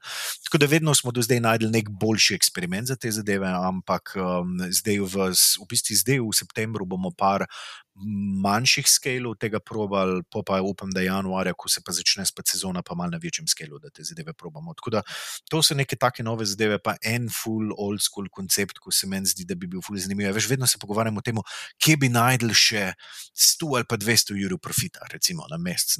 In um, Uh, ena zadeva, ki bi jo jaz zelo rad probil, je tudi payable content. Zaradi tega, ker spet imamo veliko konta, predvsej tega konta je tudi profesionalnega. Se pravi, ljudje, ki so dejansko personal trainerji, trenirani in izobraženi nutricionisti in tako naprej, so nam spisali na različnih točkah recepte, vadbe, so jih posneli in tako naprej. Um, in ena zadeva, ki bi jo rad potestiral, je, da se lahko iz tega naredi pač nek paid subscription model za nek res minimalni kost um, zato da ljudje se pač subskrbijo na nek online content, ki jim daje high value. Zaradi tega, ker potem jim posredno lahko kroselaš naše produkte, ki so dober fit, hkrati pa je monthly recurring revenue, tudi če je en evro, če pač na vseh naših trgih uspemo enem odstotku naših kupcev pač tak content prodati in naredi dost velik value, da se vračajo in da ga konzumirajo redno, ti lahko to zelo lepo izboljša business bottom line. Ej, to ima za me ogromen smisel, kako smo delali vem, te vadbene programe, speech body plenom preko mentorstva, pa take zadeve. Fule je zanimivo, zato kategorija v bistvu poveča število stičnih točk s kupcem. In nisi pač sam, ne vem, neka tableta v njihovem življenju, a pa pač en kos telovadne opreme, ampak si njihov zaveznik pri formiranju boljšega sebe. Mislim, toliko več takih pojemljivih stičnih točk imaš lahko, super za komunity, super za to, da pač človeka tudi gajdaš, da mu bo pol na koncu uspelo. Tako da, ne, lej, meni se zdi to fantastično, mm. tako duet pač, veš, showstopper ali pa tista stvar, ki jo imamo vedno debato, ker se pri nas je vedno, veš, vedno je pros in cons, ni da smo eno stvar, pač smo rekli, tega pa nam delali, zaradi tega, ker ne vemo, ali bo dovolj profitabilno. Ne? Ampak kontrastran tega koncepta je vedno ogromno enega full kvalitetnega kontenta, je available for free. Imáš mega YouTube influencerje, v Vetlosu, personal trainerje, ki imajo milijone uh, followerjev in stalno delajo weight plane, imajo live sessione, ko lahko telovadi z njimi in tako naprej. Tako da, full velik competition je, ampak hkrati pa te zadnji amateri pa tudi nismo. No. Mislim, da lahko dobro in kvalitetno kontent naredimo. Ne, ne, naredi uh, programe, samo reke, da pokrinjam, ampak progresijo. Pač ti tako, mislim, vsak lahko tam pleše zraven YouTube in tam skače, it's ok, ampak le je pa res commitment, to je pa mm. sprememba mm. življenjskega stila. Ja. Pa samo eno zadevo, še ko se glih pogovarjamo o novih kanalih, ker eh, spet glih um, debata, ko smo jo imeli včeraj, v bistvu. Um, pač novi kanali, pa no, stvari, nove testirati. Super, valjda, vedno je treba ne, the next big thing iskati. Ampak hkrati pa tudi treba biti malce previden, zaradi tega, ker um, novi kanali dodajajo kompleksnost razumevanju advertisinga. Veš, dokler imamo Google, Facebook, pa e-mail, se mi dva zelo natančno pogovarjamo o tem, kaj je kjer kanal naredil, pa prinesel, pa kaj je bilo profitabilno, pa kaj ni bilo. Pa pa, ko enkrat imaš ti overlap med Facebookom, Googlom, obemi remarketingi, kriteo, um, affiliati, ki tudi ne veš, koga so zadeli, pa koga niso. Pa pa je zraven, da še tik TikTok, pa Snapchat, pa Twitter, pa še mogoče vem, Bing advertising in tako naprej. Imáš pa kar naenkrat full mix spendinga in kar naenkrat ne veš več, kje se ti je spending overlap in kje si več kot enkrat ali pa dvakrat plačal za kakega kupca. Tako da ni vedno cilj ali pa želja ali pa ideja ali pa best case scenarij, da imaš fulj veliko oglaševalskih kanalov, ampak tiste, ki jih dejansko lahko kontroliraš, ali pa tiste, ki imajo tukaj drastično različno populacijo ali pa target group, da veš, da boš imel minimalni overlap med posameznimi kanali. Zaradi tega, ker zmerd ga je pa itak ne mogoče. Ne, in da bi se to povedal, zato ker se veš, da se večkrat pohecamo, da smo marketingaši, kot kar neke srake, da pač vidimo nekaj, kar se sveti, kar je novo in babo pač ogromen FOMO, da ne bomo med prvimi na tej platformi ampak le na koncu dneva treba uporabljati poslovno logiko, pač pa igramo se s temi zadevami v privatnem življenju, pa polka najdemo nek trend, ok, mogoče, sam resem pa ni treba vsakega klubhopsa, ki pride mi pojahati. Tako, pa jaz generalno po naravi sem tudi, kar je ful slabo. Ne vem, ali pa ne, kva pa vem. Jaz sem full late adopter, jaz full ne maram novih stvari. Vsakeč imaš? Um, Huawei P30 Pro. Okay. Uh, med zadnjimi sem šel na smartphone, po mojem, full dog sem se upiral Facebooka, Gmail, vse te zadeve. Ti si ne predstavljaš, kako dolgo sem jaz analogno operiral. Um, in, um, ne, to se res ne predstavlja, zori, zato kot digitalo delaš, in pač ja, to je to krinč. In, uh, in tudi full sem late adopter, ko Facebook objavil novo stvar, oh, ne, zakaj. Ali pa Google bo zdaj skenil uh, tele extended ads in bo zdaj eno, en, sam še en novejši format imel. In sem si mislil, da ne, zakaj, in zdaj bo spet treba neke nove stvari delati ali kako koli. Tako da ne vem, raje imam, da nekdo drug proba, zato da vidim, ali je to pač totalen disaster ali je, ha, mogoče bi pa šlo, pa pa recimo, pa bom pa že jaz počasi vrst stav, pa bi jih testiral te zadeve. No, ampak raje pa imam, da kdo drug prvi žrtvuje budžet. Ej, jaz isto, totalno isto. Se pač tako pogledam in zato je ful dobro, pač, da se delimo znanje med sabo. Se vem, da ti pač si eden izmed prvih, ki so nadel pilota za live shopping v Sloveniji in pač ti si je bila tako tvegana investicija. Se smo se pač pogovarjali o tem, sam pač le nisi proti temu per se, ampak. Um, nima pogosto biznis sensa, kva bi bil zaključek te debate. Ja, oziroma, veš, vedno je ključno vprašanje, ki mi, mi ga v, v marketingu ga fulj velikrat pozabimo, pa generalno, veš, v tem drivu, da imamo čim več narediti, je ne, pač fokus tam, kjer in to zdaj recimo tudi zdaj, ko delamo skupino, se mi zdi, da, ta, da je to full underlying topic v velik pogovoru. Focus where it's, uh, where, focus where it's worth it. Veš, Tudi, kar se novih trgov tiče, odpirati ali pa novih kanalov, recimo, ne? pa Blue, pa, um, pa ta live shopping ali pa kakorkoli. Super je. In najbrž bi se dal zadevo spiliti z dosti investmenta časa in keša, in da res pogruntamo sistem, naberemo ekipo, najdemo neke eksterne ljudi, ki bi lahko lokali, v lokalnih jezikih nam delali live shoppinge in naredimo nek urnik na pageu pop-up ali kako koli. Ampak a je res to? tista stvar, kjer bomo 500 ur porabili za to, da jo spravimo v življenje, ali je mogoče bolj teh 500 ur vršiti v Nemčijo, ki je že zdaj ogromen trg ja. in proba tam mal večji delež market share dobiti. Veš, nisto je iz marketinga. A bo šel res full effort investirati v to, da bo šel odpirati zdaj še Slovaško, če si že v Nemčiji, ali boš raje ta effort dal v Nemčijo in boš tam probo mal večji kos pogače dobiti, zaradi tega, ker na koncu koncev, kar se tiče market potencijala, je verjetno Nemčija precej bolj kot Slovaška. Tako da Ja, eno je pač uh, muddling the waters, ali kako bi temu rekel, veš, da kalno vodo mešamo, če dodajemo preveč stvari, pa pol ne vemo več, kaj nam dela. Druga zadeva je pa pač, kam se ti najbolj splača cajt investirati. In to velja in na nivoju enega človeka, ki razmišlja, ko bom jaz danes z mojimi sedem in pol ali do dvanajst ali šestnajst ur naredil. In isto hkrati na nivoju firme, kam se bojo fokusirali, departmenti, čeneli, veš, tako. Oziroma, pa se mi zdi, da pride do nekega takšnega healthy miska. Ne? Zato, ker ne vem, se pa spomniš z blockchain Slovenije leta 2019 in pač tako ene take stvari, ki so pa enostavno pač on trend. In ja, se ni primerno za vsa podjetja, samo včasih ga pa zmagaš. Tako da jaz mislim, da je mogoče tudi malo tendenca, ko ga gemblaš v življenju, ampak ja, le včasih si pa mm. na pravem mestu, v pravem času, vsi bi radi bili akva. Ja, ja. Ej, ful dobro. Okay. Tukaj smo se malo zaklepetali o pomenu prioritizacije in fokusa. Mislim, da je bila čudovita debata. Uh, zdaj ti čestitam, ker snimaš že eno uro. Aha, ok. Zanimivo. Nisem Nič ne porajal. de, nič ne de. Lej, Se meni pogosto poslušalci rečejo, da poslušajo podcaste dvakrat pa trikrat v presledkih. Aha, ok. Odvisno, ja, kako je makes vožnja sense, dolga. sense. Ja, ja, to, to, to, to. Ali pa kako hitro zaspiš v mojem primeru. O ja, ne, ne, da, da, da te, imam, te moram pač do konca, ne, pač to je dejstvo. Evo, rekel si afiliat. Um, kaj, mislim, kako imate vi formuliran afiliat, pa mogoče, če nam zaupaš kakšno dobro prakso, a pa kakšna taka stvar, veš, ki ni delovala, ki pač mogoče bi se lahko ljudje izognili. Kako ste vi zasnovali afiliat in kaj se je po z njim naredil? Mm, V bistvu mi smo štartali afiliat z networkom CJ, oziroma Viv Networks. To, uh, CJ je platforma, Viv Networks je pa firma, ki funkcionira kot. Um, Isto kot je HTTP za um, Facebook, pa Twitter, pa TikTok, pa to, so oni za CJ platforme, za affiliate uh, networke. V bistvu ideja je, da imaš ti pač platforme, kamor se, kamor se joinajo, uh, kamor se joina full velik publisherjev, ljudi, ki imajo page.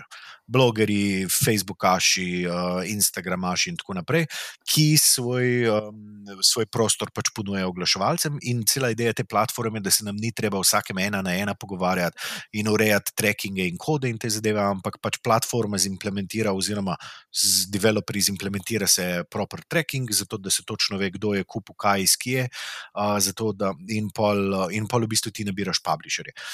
Um, mi smo začeli na CJ, zdaj smo dodali Awin, ki je v Nemčiji bil full velk, pa zdaj pa tudi Awin zdaj širimo. Um, probali smo tudi Ads Ninja, ki so primarno za nordijski trg, ampak se nam zaenkrat zadeva ni neki full splačala, pa bom, pa bom tudi povedal, zakaj. Ampak par takih triki momentov se mi zdi, da je bilo na afilietu. Mi imamo full močen elasten Google Search in Google Shopping Advertising.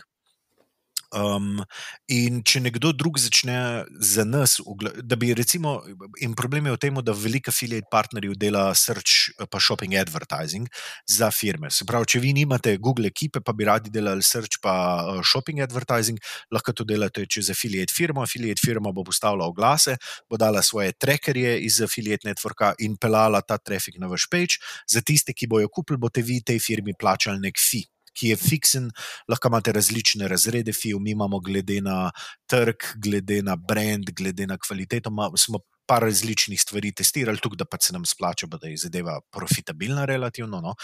Um, In problem je v tem, da nekateri partnerji so začeli na srču advertize. Kar se naredi, je, da full velik teh partnerjev naredi the easiest thing possible in navali in pogleda, kaj ti oglašuješ na brendov, skupira tvoje oglase in začne oglaševati na tvoj brand. Ko se tep naredi, tvoj brand, revenue in traffic pade, pade ti profitabilnost Google kot tazga, kar sicer.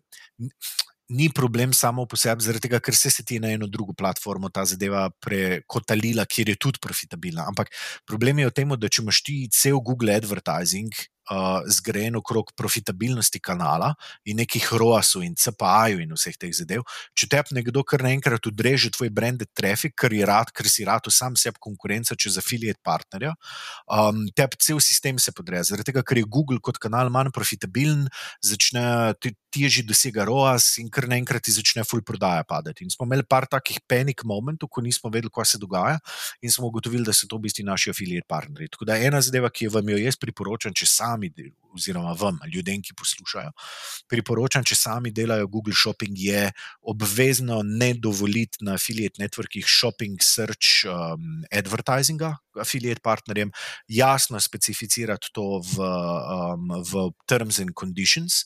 Um, in uh, tudi malo preverjati, s katerimi kanali, ker vsak affiliate partner ima nek opis na tem networku in ponavadi jasno napišejo, da delajo paid search ali pa Google Shopping affiliate ali pa kakorkoli. Uh, in tudi malo spremljati. Če se zgodi čuden brand drop v revenueju, pa trafiku na Google, je to skoraj zihar pol nek affiliate partner, ki se ne drži pravil in pol season desist in pač skencla tacga partnerja. Tako da to je ena zadeva.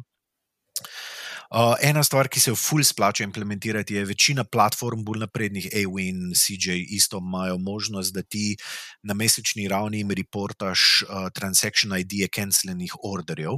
In kar bojo oni naredili, je, da bojo te pod affiliate fee, ki si ga moraš plačati, odšteli canceljene orderje, ker valjda zakaj bi plačeval affiliate fee za order, ki, bil, ki, ki ni bil do konca sproveden. Na velikem volumu se te stvari ponavadi kar splačajo, no? zaradi tega, ker lahko kar nekaj denarja prešparaš in je valjda cela zadeva bolj profitabilna. Um, ena stvar, ki je mene malo presenetila, je pa, ful smo bili skeptični. Ja, veš, mi smo imeli najprej CJ na večini trgov, in pa smo, smo pa najdli Ewin in smo rekli, o, Madonna, morda bi pa Ewin hm. probal, pa dajmo ga v Nemčiji probati. Ja, sem pa moramo skenirati CJ, ko ga imamo v Nemčiji, valjda ne bomo overlap ali se verjetno so isti publisheri. Ena, ful, so isti publisheri do neke mere, ampak je pa tudi ful različnih.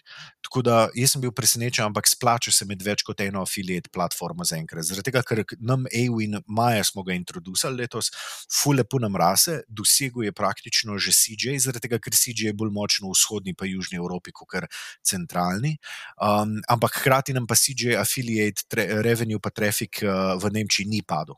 Tako da v bistvu smo samo duplirali smo si revenue in ohranjamo en kanal, ko smo ga premeli, oziroma en network, in zdaj smo še enega dodali, ki je malce bolj native v Nemčiji in valjda hitreje raste. No. Tako da jaz si ne bi mislil, da bo to tako funkcioniralo, ker sem bil zihar, da imajo kakšne ekskluzive ali pa da bojo kaj zbirali ali kako koli. Znaš med pol kakšne probleme, zaradi tega, ker so malo občutljivi, pa pol kdaj pride do overlapa. Tako da mi zdaj tukaj stalno delamo sezname, koga imamo na kiri platformi, zato da navabimo na obeh platformah jih ali pa da jih ne apruvamo da tudi sami te kontaktirajo, publisherji. Pa če nas na EWIN, recimo, kontaktira nekdo, ko ga imamo na SIDŽ, ga zavrnemo in obratno, zato da pač nimamo tukaj problemov, pa komplikacij pa vseh teh zadev. Tako da to, no, ampak. Ful hitro se mi zdi, da govorim. Ne, ne, super, rekla, super. Veš, kaj me zanima, sam še, koliko pa ja. mislim, imate te afiliate fije? 15 do 25 odstotkov, odvisen malo od kvalitete, pa par različnih faktorjev, pa državno. Uh -huh. da, to. A, luškano. Ja, da če pa mi boš pa eno kodo zgeneriral tam le za podcast spodaj. Absolutno. absolutno.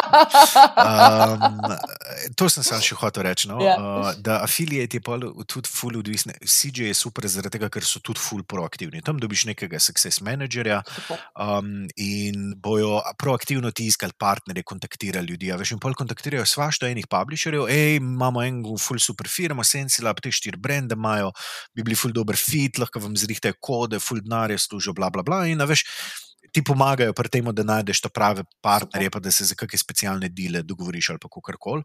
Um, EWIN je manj aktiven, pa kar precej zaračunava za to zadevo, tako da tam smo se mi odločili, da bomo pač raj solo kavboji, pa bomo pač sami te stvari naredili, vse vemo približno, kaj treba delati. In tudi se mi zdi, da uh, pri nas Tjaša skrbi za affiliate oziroma unaj specialistka za New Channel Development in pol vse te nove ideje, ki imamo, pa želje, pa te zdaj v nas pravi v življenje in zorganizira. In ima tukaj res full dobro zorganizirano organizirana affiliate. Tako da dejansko, ko smo probali AWIN Success Coach um, na, enem, uh, na enem brendu v Nemčiji, Tjaša je pa sama delala drug brend v Nemčiji, je Tjašin brend še vedno tri mesece zatem daleč boljši kot tista zadeva, kot jo je, je AWIN menedžiral sam. Zaradi tega, ker je valjda, veš.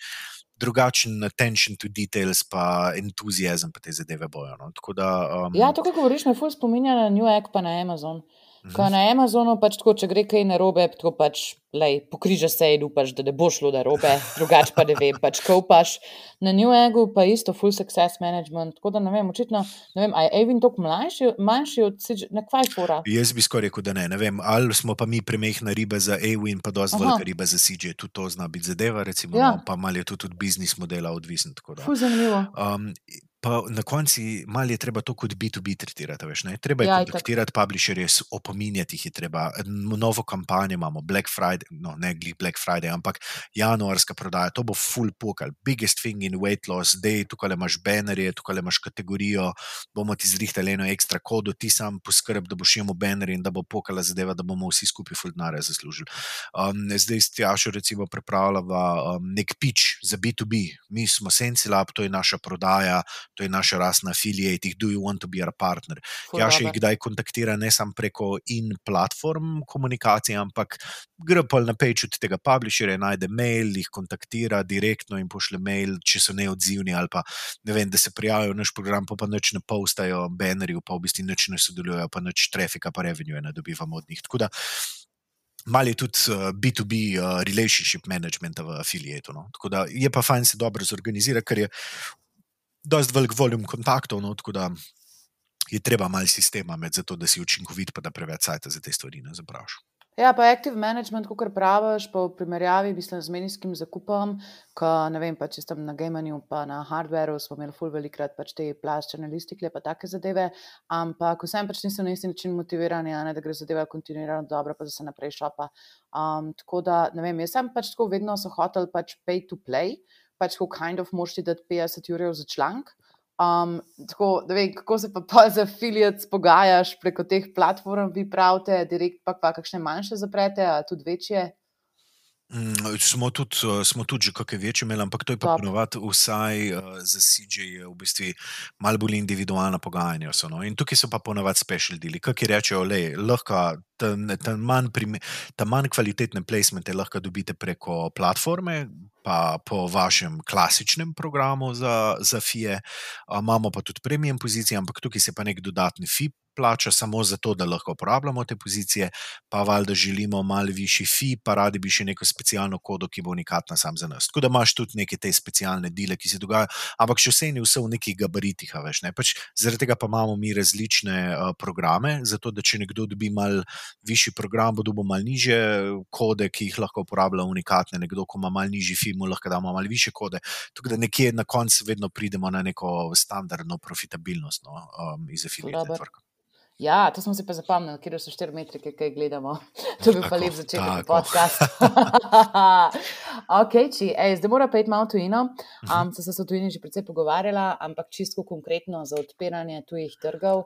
Se pravi, aj senzilep logika go big or go home, se pravi pač ne vem, da prideš na živijo polski trg, gremo pač zdaj investirati noter in it to win it, ali pač tako, hmm, kaj če bi lahko prodajali tudi na polskem, daj zavrtimo kakšne kampanje, kaj pristop.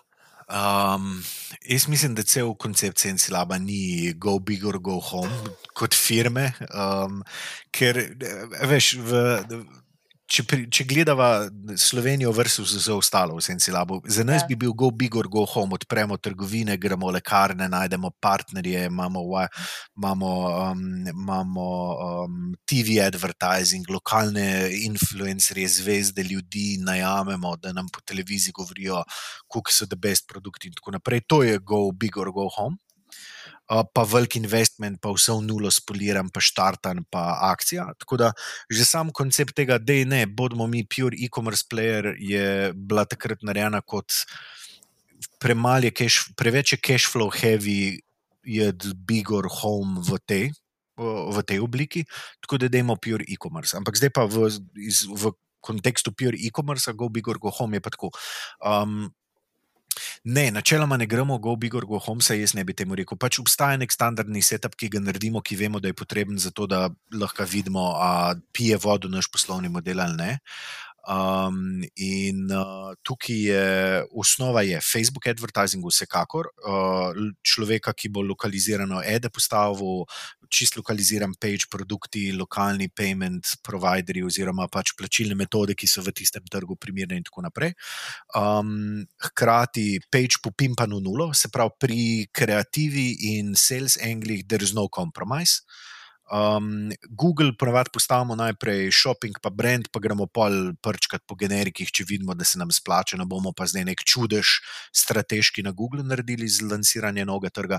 Pa e-mail automatični ponavadi takoj na začetku zaštartajo sales kampanje, ki se pošiljajo na existing customer, pa na eni točki, ko je kritična masa dosti velika. Tako da pač poskrbimo, da imamo push, da imamo kreative v nulo poštimane, pa da imamo profitabilni del advertisinga, se pravi browse cart abandonment, uh, onboarding, pa retention avtomatike, pa da imamo Google pač poštiman in to je ponovadi to. Po pa, veš, gremo dodajati afiliate, pa več e-maila, pa komunikacij, pa ne vem, kakšne zdaj. No. Tako da jaz bi rekel, da ne gli go, go big or go home, ampak hkrati pa ni, M, mislim, MVP, odvisen.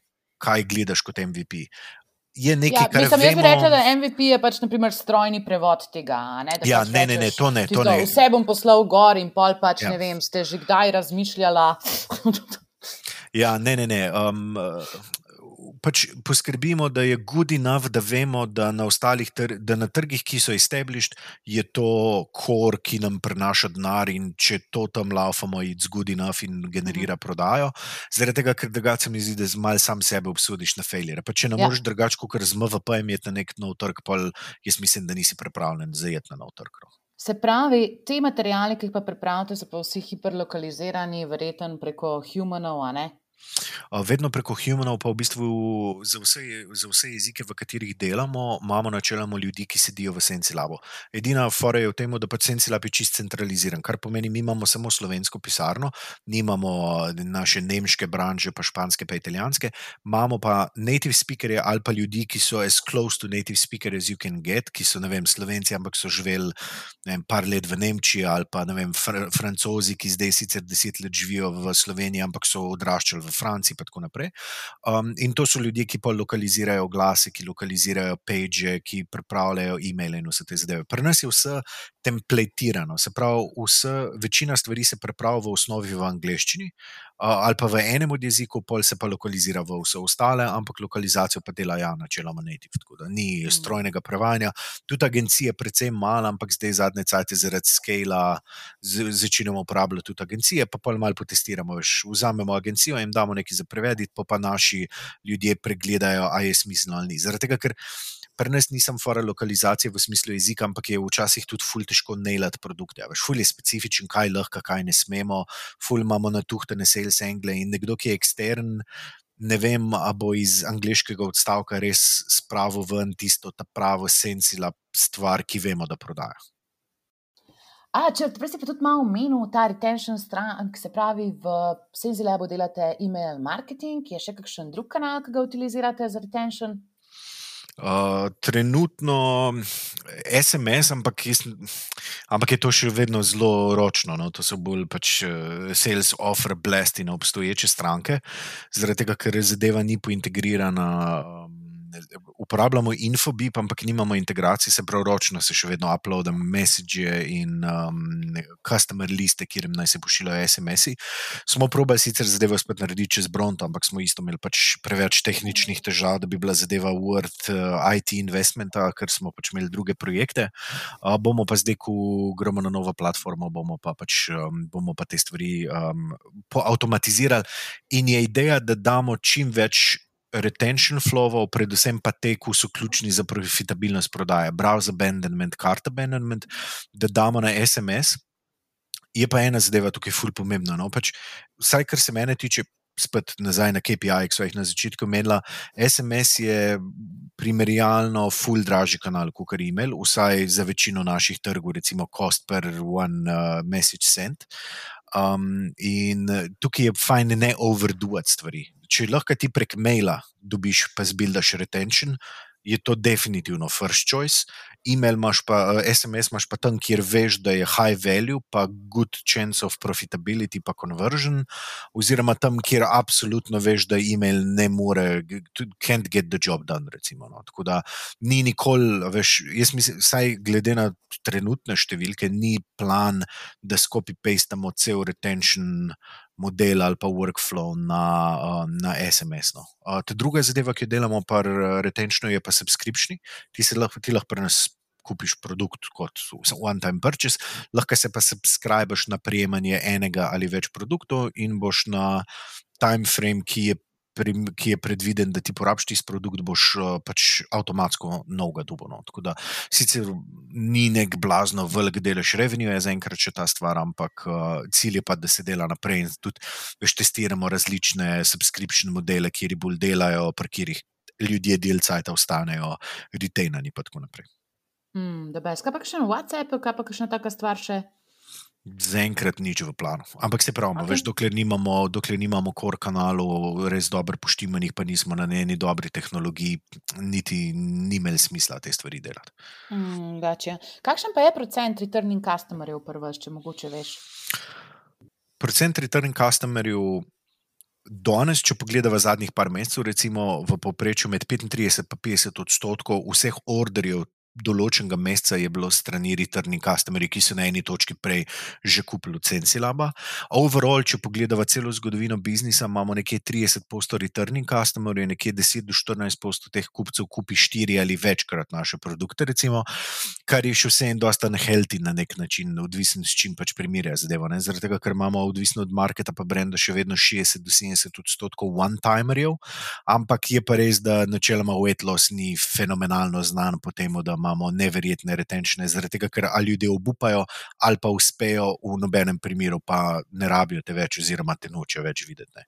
Um, ja, bolje je, da uspejo, ne? Absolutno, pa absolutno, pa tudi customer lifetime value je boljši, pa retention je daljši. Če pač grejo na neko aktivno pot uh, hujšanja, recimo, ali pa ne vem, optimizacije lifestyle ali kako koli bova temu rekla. Uh, ampak ja, načeloma je pa tako. No. In um, mi merimo pa različnih zadev. Eno je, koliko je returning customer overall, drugo je customer lifetime value, pa števil, poprečno število nakupov, valjda, ki je nažalost vse in če pogledaš celotno maso, nekje 1,7 se mi zdi.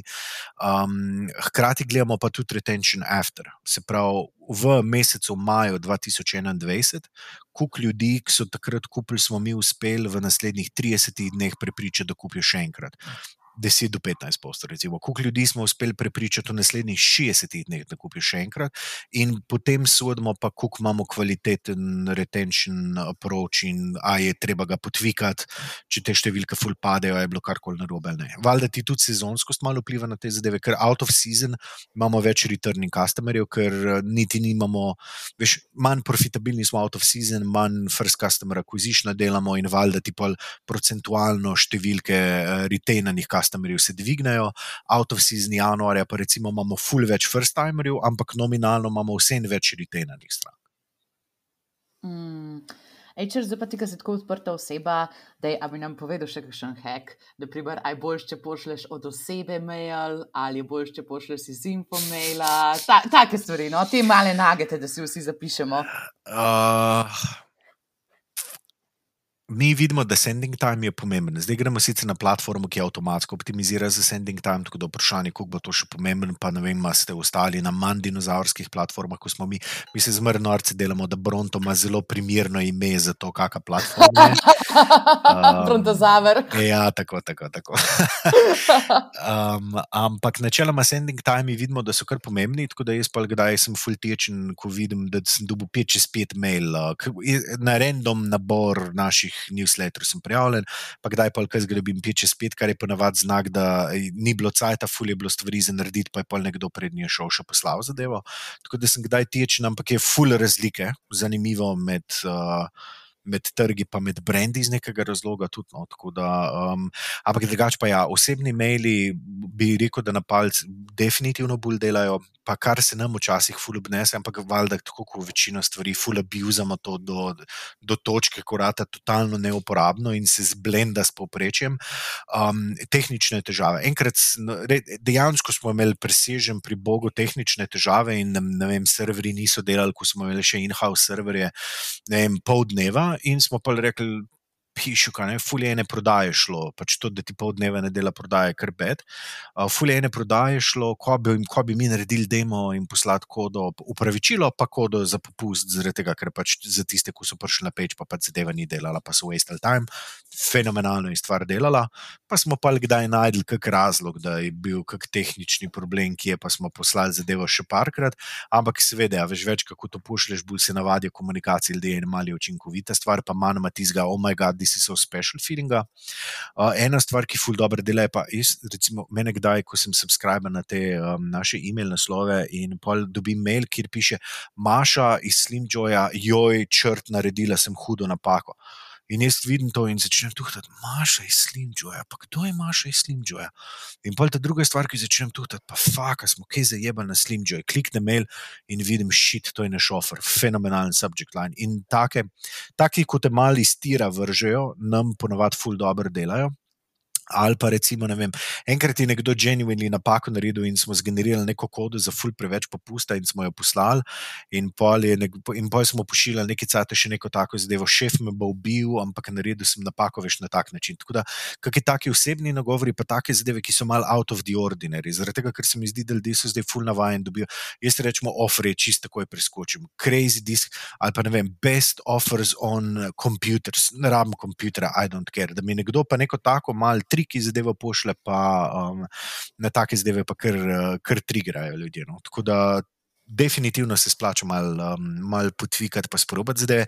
Pa kar mi ful delamo, kar sicer ni zdaj na svet v smislu, to probi pa bo delal, ampak um, mi temu rečemo e-mail template. E-mail template v bistvu jaz, ko sem prišel na Sensilab, je bil za mene email template nek box, kjer si rekel, ok, slika levo, tekst desno, od spodaj tri je boxi, CTI in na koncu še en članek in to je to. Uh, na Sensilab je pa template, mi template rečemo kombinacija out, layouta, maila, uh, contenta. Oziroma, kategorije konta, ki ga bomo imeli, ali je recept, ali je weight loss na svet, ali je seznam vadb za del telesa X, um, in pol, kje je produkti, iz kere kategorije so noter, in kako dober offer bo. In to je template pri nas. In mi testiramo različne template, se pravi, različne kombinacije teh faktorjev, zato da vidimo, pač, kje zadeve delajo. No? In um, probamo tukaj čim več teh stvari poštancati, in pol, ko vidimo, da je en template bestseller, ga bomo valjda probali na vseh trgih, pa vseh brendih. Ne bo vedno posod delo, no, ampak na ta način vedno probamo bestsellerje iskati. In ena praksa, ki imajo naši fulje, da. Um, če nam ne gre najbolj e-mail prodaja. Štiri dni zapored smo ful neki eksperimentirali, pa vse je bilo flop, ali pa Facebook je ponorel, ali pa ne vem, ima neke probleme sam s sabo in so ful visoki, imajo takrat ponavadi treba crank up the email, pa crank up the cheap revenue. Uh, in takrat smo ponavadi vedno pri nas, pol vidiš v Teamsih, v četih, pošljite your best selling template, your best selling template. Vedno imamo nabor nekih stvari, ki praktično vedno funkcionirajo in veš, da se lahko zaneseš na njih, dokler jih ne zlorabljaš preveč. Prav best selling template bo pa um, segment, ki vemo, da rad kupuje offer, dober offer za tisti segment, ta pravi članek, ki pa še zraven, pa nek winning subject line, ko vemo, da se ljudje respondajo na njega, pa template, ki vemo, da ima dobre click-through rate, generira. Recimo, In takrat, ko vemo, da res absolutno rabimo nailati email prodaje, nema za banci, nema testiranja, takrat morajo ljudje poslati best-selling template. Mm, dragi moj, mi smo trenutno na petih straneh zapiskov. Jaz sem imela težave najti kot od tega, težko bo. Dobro, lej, zdaj pa, ful, hvala. Jaz sem si napisala klele ene deset stvari za testirati, po moje, pa kakšen lesen, kar skupino še um, vrgla. Ampak zdaj pa pojva še na pol te bolj mehke teme. Tako, zdaj se pa sproščava, zdaj pa se sva telovadla in zdaj ima pa uno raztezanje. Okay. Pa se bo dotaknila onih mehkih tem. Um, ful, ful, ful, nas valjda vse zanima, kako ste vi v Senzi Lebu organizirani kot marketinški oddelek. Koliko vas je, pa kako to je bolj vaš čas? Jaz večini ljudi rečem, se pravi, cel senci lap je nekih med 300 in 400 ljudi, ne, ne me za besedo držati, tudi mogoče, če kdo od naših posluša, pa prav pizda, če si bo dala še to, ne veš, koliko ljudi dela za našo firmo, se upravičujem. Um, marketinški oddelek, bom tako rekel, res ta pure e-commerce, bom rekel, med 70 in 90, recimo. Um, tako da relativno velika zdeva. Kar se tiče organizacije, je pa tako. To je, to je, to, sicer ne vem, ali je rok v svojem podkastu to omenil ali ne. Ne, na Metapu je omenil. Um, mi, pri nas veljajo dva, dve pravili, ki bi jih rok Fullerat um, implementiral. In eno je hippie love, kar pomeni, da moramo vsi ljudje optimalno in konstruktivno sodelovati med sabo. Ta druga politika, oziroma ta druga logika organizacije, je pa ruthless execution, ko je pa pač treba stvari narediti, pa implementirati, tam pa ni milosti, treba je zadeve narediti in treba je biti duer. Zakaj je hippie love tukaj pomemben? Je pa zaradi tega, ker ti imaš pri nas tri organizacijske enote, da je temu reči, ali pa tri segmente. Eno so brendi, Sensilab, Tamitox, Paugen, Slim Joy in še neki manjših satelitskih brendov. Drugo so marketi oziroma regije, Nemčija, Italija, Francija, Španija. Tretje so pa kanali, Facebook, Google, Affiliate, email in tako naprej. In te kanali stalno, vsi pušajo za isti cilj, ampak hkrati pa imajo vsi mal drugačen fokus. Ne? Zaradi tega, ker Nemči, Nemčija je valjda važen, da Nemčija najbolj dela, hkrati je Google najbolj važen, da Total Google najbolj dela. Ker se, če Nemčijo razturimo, bo the best. Ampak če vse ostalo zanemarimo, pa v svoj fokus damo v Nemčijo, ne bo good, ne bo enak impact, kot če še Francijo dobro delamo, pa Španijo, pa UK, pa Italijo, pa Portugalsko. Pa tako, tako da tukaj imaš vedno malo tega konf, uh, fo, konflikta za fokus, oziroma za attention, zaradi tega, ker ne moreš pa valjda dosti ljudi, da bi lahko vse optimalno podelil, zaradi tega, ker pol organizacije ne bi bila profitabilna. In tukaj je pač ta ruthless execution, ker je treba biti učinkovit med temi tremi organizacijami organizacijskimi enotami in hkrati hipi love, zaradi tega, ker moramo biti pa konstruktivni. Treba je ta prav tip človeka, med, da lahko v tem funkcionira, zaradi tega, ker Veš, vča, mi imamo včasih full debato o tem, kdo se bo zadnji odločil za delo. Ne? Če Google nekaj hoče, a se bo zdaj Googlašil, oziroma se bom jaz odločil, ali če hoče Google na nekaj na Nemčiji, a se bo nemški country manager oziroma regionalci Nemčije odločil. Če hoče Google nekaj v Nemčiji na Slimjoju, a se bo pa Slimjoj brand manager odločil. Ne? Se pravi, kje je zdaj final responsibility, tukaj pa mi načeloma na zadeve tako gledamo. Čigar PNL tega odgovornost. Se pravi, če imamo country managerja Mirotak in regionalko Natašo, ki skrbita za Nemčijo. Jaz ne morem leteti kot Google in tam reči, mi bomo pa zdaj spalili 30 ur, da bomo videli, da neka zadeva dela. Njun PNL je, njun profit, na njiju se bojo ljudje drli, oziroma njuna odgovornost je za to, da Nemčija funkcionira iz poslovnega vidika in zaradi tega ima ta UNE dva končno besedo, da bo ta rekla, ja, lahko to na Slimjoju probamo, ali pa rečeta in s takim budžetom, ali pa rečeta ne na Slimjoju, bomo na Sencela probali, ker smo tam bolj profitabilni. In hkrati na mestu, da bo 40 ur zapravil, če boš najprej 5 ur zapravil, pa bomo pogledali rezultat rezultate pa bomo videli. Tako da brendi pa kanali so načeloma do neke mere podporna funkcija, ampak hkrati ful velik stvari je pa čist independent. Veš, marketi se ne vtikajo v to, kako imamo rešijo med shoppingom, pa brendom, pa generiki, pa zelo redko se gre gledati neke specifične keyword ali kako koli. No. Tako da to so te neke organizacijske enote. Mm, ful zanimivo. In se pravi, country je ta največji. Um, pa tako, verjetno, kaj ne Teams of Teams delujete. Se pravi, da pač te vem, med sabo komunicirajo, imajo neko projektno skupino. Kako bi opisal, kako ti lajeri med sabo naredijo to pogajanje? Ja, v bistvu tako je. Dve največji skupine ljudi na firmi so editori in Facebook advertiserji. Facebook advertiserji valjda skrbijo za Facebook advertising, editori pa pri nas skrbijo za uh, management webshopov, lokalizacijo in e-mail marketing. Um, in Facebook advertiserji so pod Facebook kanalom, editori so načeloma zaposleni na državi. Vsaka država, glede na svoj profit in glede na svoj revenue in obseg poslovanja, najema najema svoje ljudi, vse je ista malha denarja, vse je isti PNL na koncu, ampak nekako smo rabili sistem, kjer lahko vidimo, kje je država profitabilna, kje pa ne. Če so vsi ljudje zaposleni pri Senci Labu, pol ne vemo, ali je Mačarska profitabilna ali ne, ali pa Nemčija. Veš. Tako da zaradi tega je določen del ljudi, ki so res market specific, zaposlenih v air quotih na marketu, zaradi tega, da lažje, čist računovodsko ali pa organizacijsko je pač lažje poštimati računico in videti, kaj ti pije vodo, kaj pa ne. Um, in to so dve največje skupine ljudi, ki jih je po 30 med rečemo, Facebook advertiserju 225, pa editorju 30-35, recimo, um, ki pa skrbijo za vse te markete. In to so največje skupine ljudi. Um, Facebook. Um, Oboji delajo primarno na eno, njihova enota dela je Web Store, ki je brand plus market. Recimo, tako da primarno bojo odgovarjali s kvaliteto dela um, country managerju oziroma regionalnemu menedžerju, se pravi PNL holderju, hkrati bo pa kvaliteto pa ekspertizo njihovega dela preveril pa channel manager oziroma nek team lead njihov. In Facebook aši so organizirani v brand ekipe. Vsak brand ima svojo ekipo Facebook advertiserjev, ki imajo Facebook brand managerja, to je v bistvu človek, ki je team lead za tisto skupino advertiserjev, dobro pozna brand, razume, kaj funkcionira na brandu, kakšni angli, kaj je spremljivo, kaj ni spremljivo in tako naprej. In isto imaš editorje organizirane po brandih, in imajo v centralni vlogi brand koordinatorja, ki je na nek način skrbnik konta, vsebin in e-maila za brende. In te ljudje pripravljajo centralne e-mail plane, če e-mail na kakem trgu ali pa storu, se pravi, brendu ne funkcionira, skočijo noter in grejo analizirati, zdaj in jih gledajo.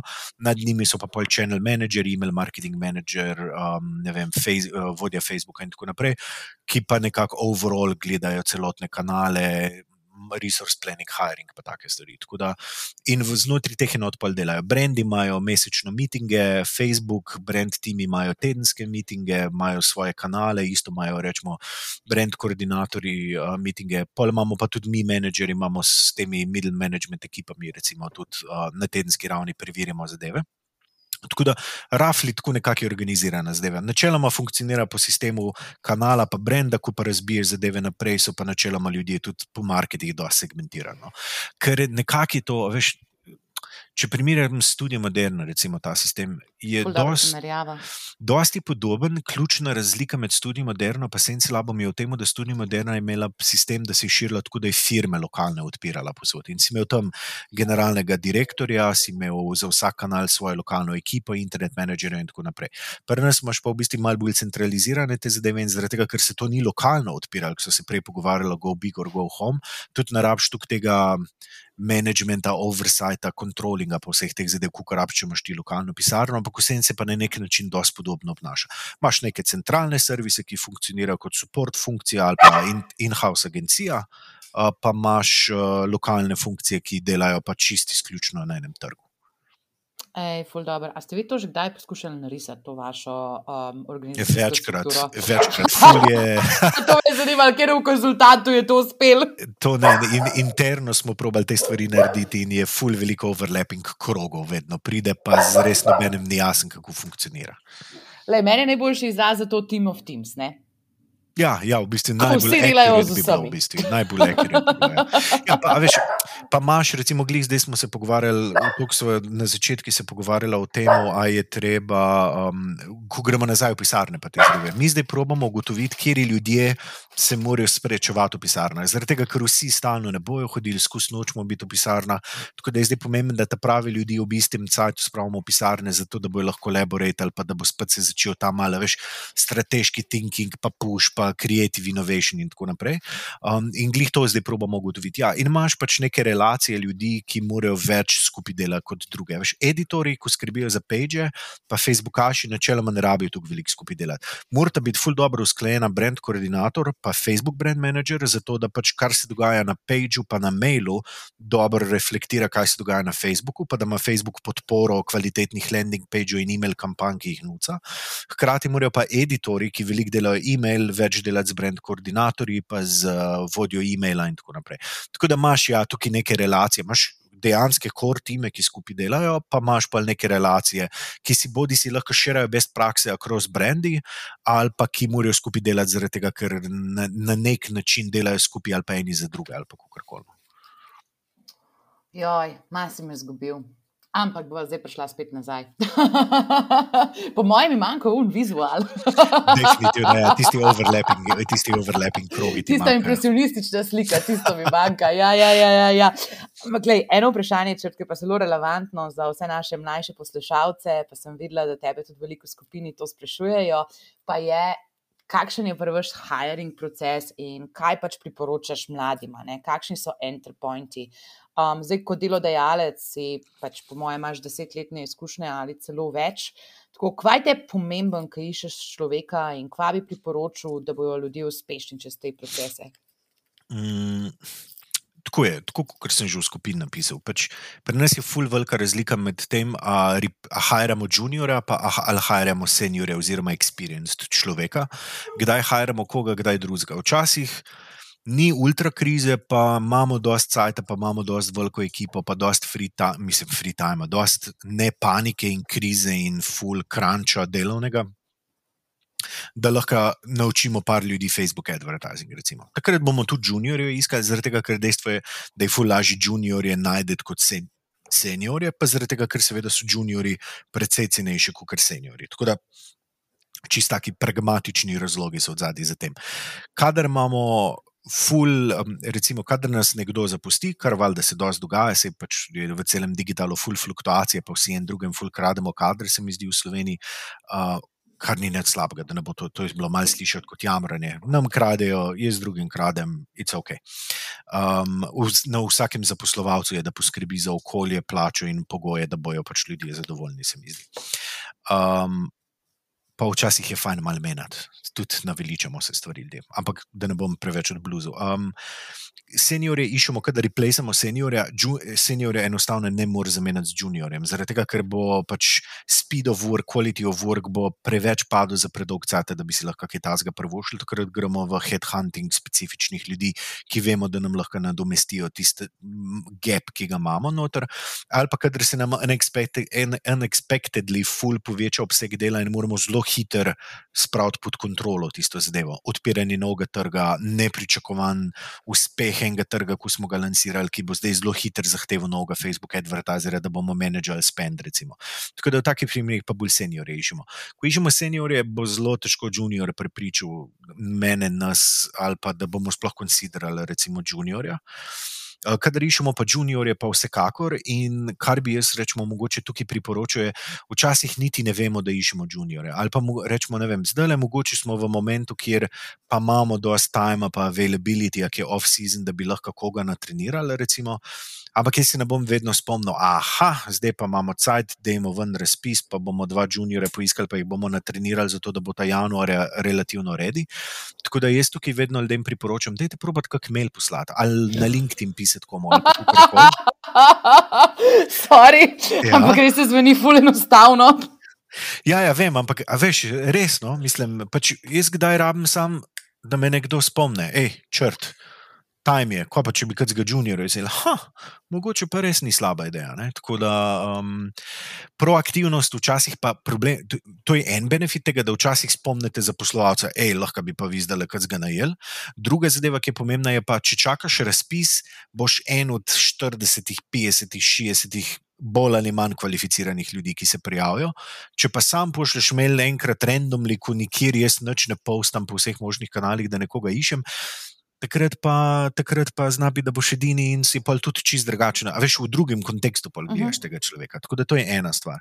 Druga je to, kar, smo, kar je bilo že ful velik debate pa vsega. No? Pač formalna izobrazba je ali ne, ali pa kako koli. Jaz vseeno mislim, da razno razni kursi in treningi in te zadeve pač dajo neko, nek generalni insight v digitalni marketing pa hkrati je, veš, če drugega ne mem, prešparaš to, da moram razlagati, kaj je funnel, pa kaj je top of the funnel, pa middle of the funnel, pa bottom of the funnel, in tako naprej. Tako da generalna teorija o marketingu ni slaba stvar, ne bo key deciding factor, se mi zdi. Um, kar je meni veliko bolj uporabno, je, da razumeš platformo. Ok, nisi ja. nikoli spend, nisi spendil 100 jurjev na Google Adsih, ampak če ti jaz rečem, napiš mi zdaj v glas, pa mi ga postavi Google Adsih, ga znaš postaviti. Nared mi responsive ad uh, s kreativami iz Page uh, in iz URL-ja jih potegni, veš, kaj je treba narediti. Zdaj mi pa zgeneriri report, kjer boš imel, kjer boš imel CPM, pa boš imel CTR, pa boš imel CPC, pa hkrati mi boš dal revenue um, ali pa kakorkoli, veš, ali pa v analitiki mi naredi segment uh, teh, teh ljudi, ki so bili na teh landing pages, ki so hkrati kupci ali pa kakorkoli. Pač neke take praktične zadeve. In če jaz vidim, da človek zna te zadeve narediti, to pomeni, da ne rabimo štartati iz nule. Ne rabimo reči, živijo, to je AdWords, to so kliki, to so jim prejšnji. Ne se sekirati, če ne dela, velikrat ne dela. Ja, ja, veš, in, in uh, to je pač kukorkoli time, jaz, jaz bi tako rekel, vsem, ki iščejo službe, kukorkoli time, efforta in investmenta lahko ti delodajalcu odstraniš, ko te najame, bolj si zanimiv za delodajalca. In bolj, kot kakšni ljudje mislijo, veš, nimam izkušenj iz uh, weight loss sales kategorije, pa Google Shoppinga na Franciji. It's ok, tudi če bi poznal Google Shopping, pa nisi delal weight lossa, ali pa če loči si delal weight loss za neko drugo firmo, we probably have a different approach. Zaradi tega, ker je vsaka firma mal drugačna. Pa ne mislim s tem, zdaj tukaj ta aroganten, mi smo pa tukaj hudi, da noben ni tega pogrunto. Ampak, veš, vsak brand se drugače obnaša, vsak brand ima dru, mal drugačen customer base, mal druge stvari palijo, produkti so mal drugačni. Kako je advertizati Sensilab na Google Shoppingu v Franciji, vas bomo že mi naučili. Jaz sam nočem, da vas rabimo učiti, kaj je Google Shopping, pa kako funkcionira. Recimo, no? Tako da jaz mislim, da za vse juniore ali pa ljudi, ki nikakor ne pridejo do tega, da bi praktične izkušnje imeli, bi jaz rekel, da je to ključno vodilo. Ampak jaz, recimo, kot juniore, vzamem pa mi oceni 9 od 10 obvladam Google Ads, bom face preveril, jih res obvladal 9 od 10. In če je to pol.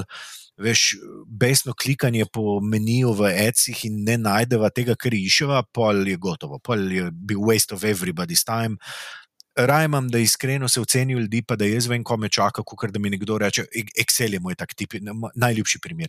Kdaj rabimo kako tako pozicijo, ko se meni zdi, da je Excel good value, zaradi tega, ker ti pohitri neke določene zadeve in se kdo oceni z 9 od 10. Okay. In moj go-to question so: a znaš VLOOKUP, a znaš a, vrtilke. basic vrtilke, ja, znaš pivote, a znaš VLOOKUP, a znaš conditional formatting, pa pa recimo takih osnovnih funkcij. In nik, noben nikoli tega ne zna, noben od teh 9 od 10 Excel nikoli teh stvari ne zna zna, in smo avtomatsko zaključili. Veš, zaradi tega, ker ena, ali se ne znaš, ali se pa ne želiš iskreno oceniti svoje kvalitete in svojega znanja, mi dva se ne poznava, prejšnjih izkušenj nimaš, samo na podlagi tvoje iskrene samoocene se lahko mi dva približno odločiva, pa tega, kar jaz uspem na intervjuju ugotoviti, se mi dva lahko odločiva, a sva za skupaj ali nisva.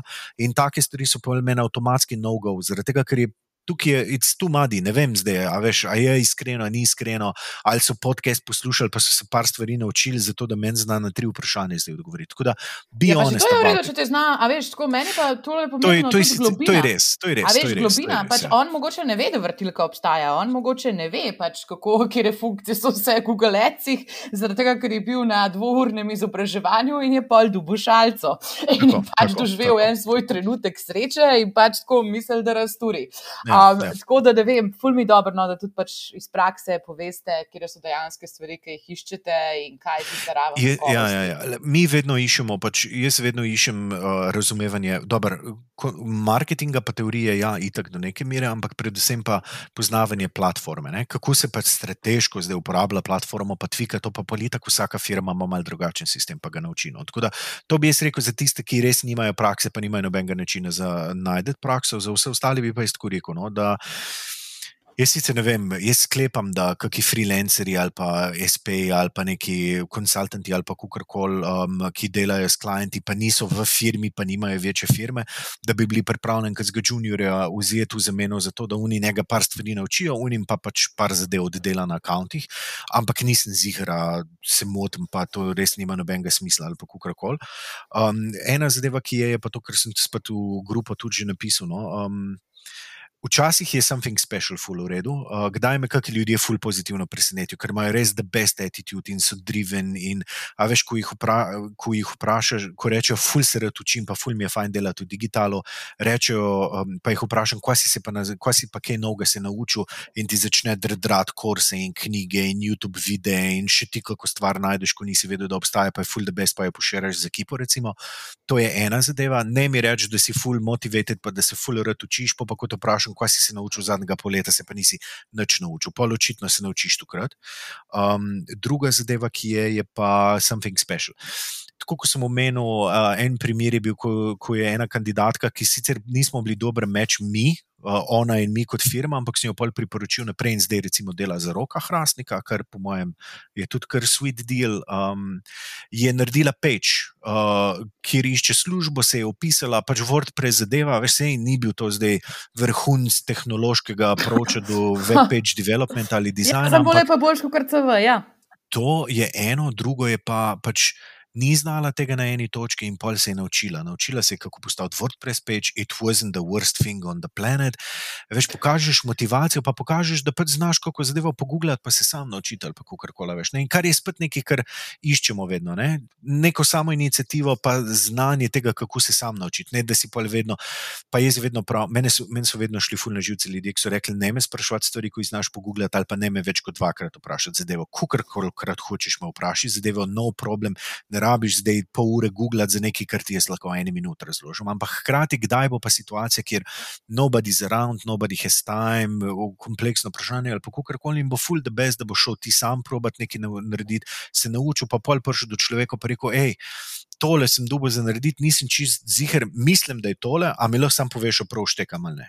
In lahko rečeš, ja, prav je, ali pa ne, ni, da ti bom razložil, čist drugačen attitude, čist drugačen effort s takim človekom delati, ful lažje, ful bolj šibajo zadeve. No? Tako da um, to nekako pokazati, no? da si neki special, da si, da si malce cajta vzameš za te zadeve. Pa, the to sem pa pozabil na grupo napisati, The Lost Art of spremna pisma. Ej, meni se zdi, da včasih smo vsi spremna pisma pisali. Jaz sem si full cajta vzel za spremno Ja, pismo. jaz sem vse razložil, o tem, kaj me motivira, kaj sem, zakaj sem, zakaj bom debe za njih, koliko se bom potrudil. A Veš, to je bil cel esej in full enega cajta je šlo to. Zdaj se mi pa zdi, da je tako. Um, zdi se mi, da bi bil dober fit za vas, ker ste mi všeč kot firma. Ok,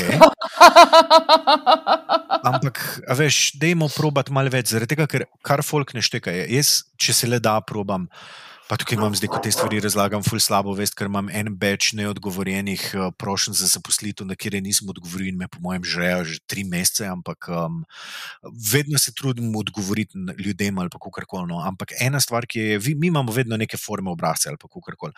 Jaz, če se le da, se trudim prebrati vse CV-je in vse spremna pisma, ampak veš, spremna pisma zelo hitro, po enem odstavku vidiš, ali je generik ali je neki ja. special in generike priznam, ful velikrat zaprem.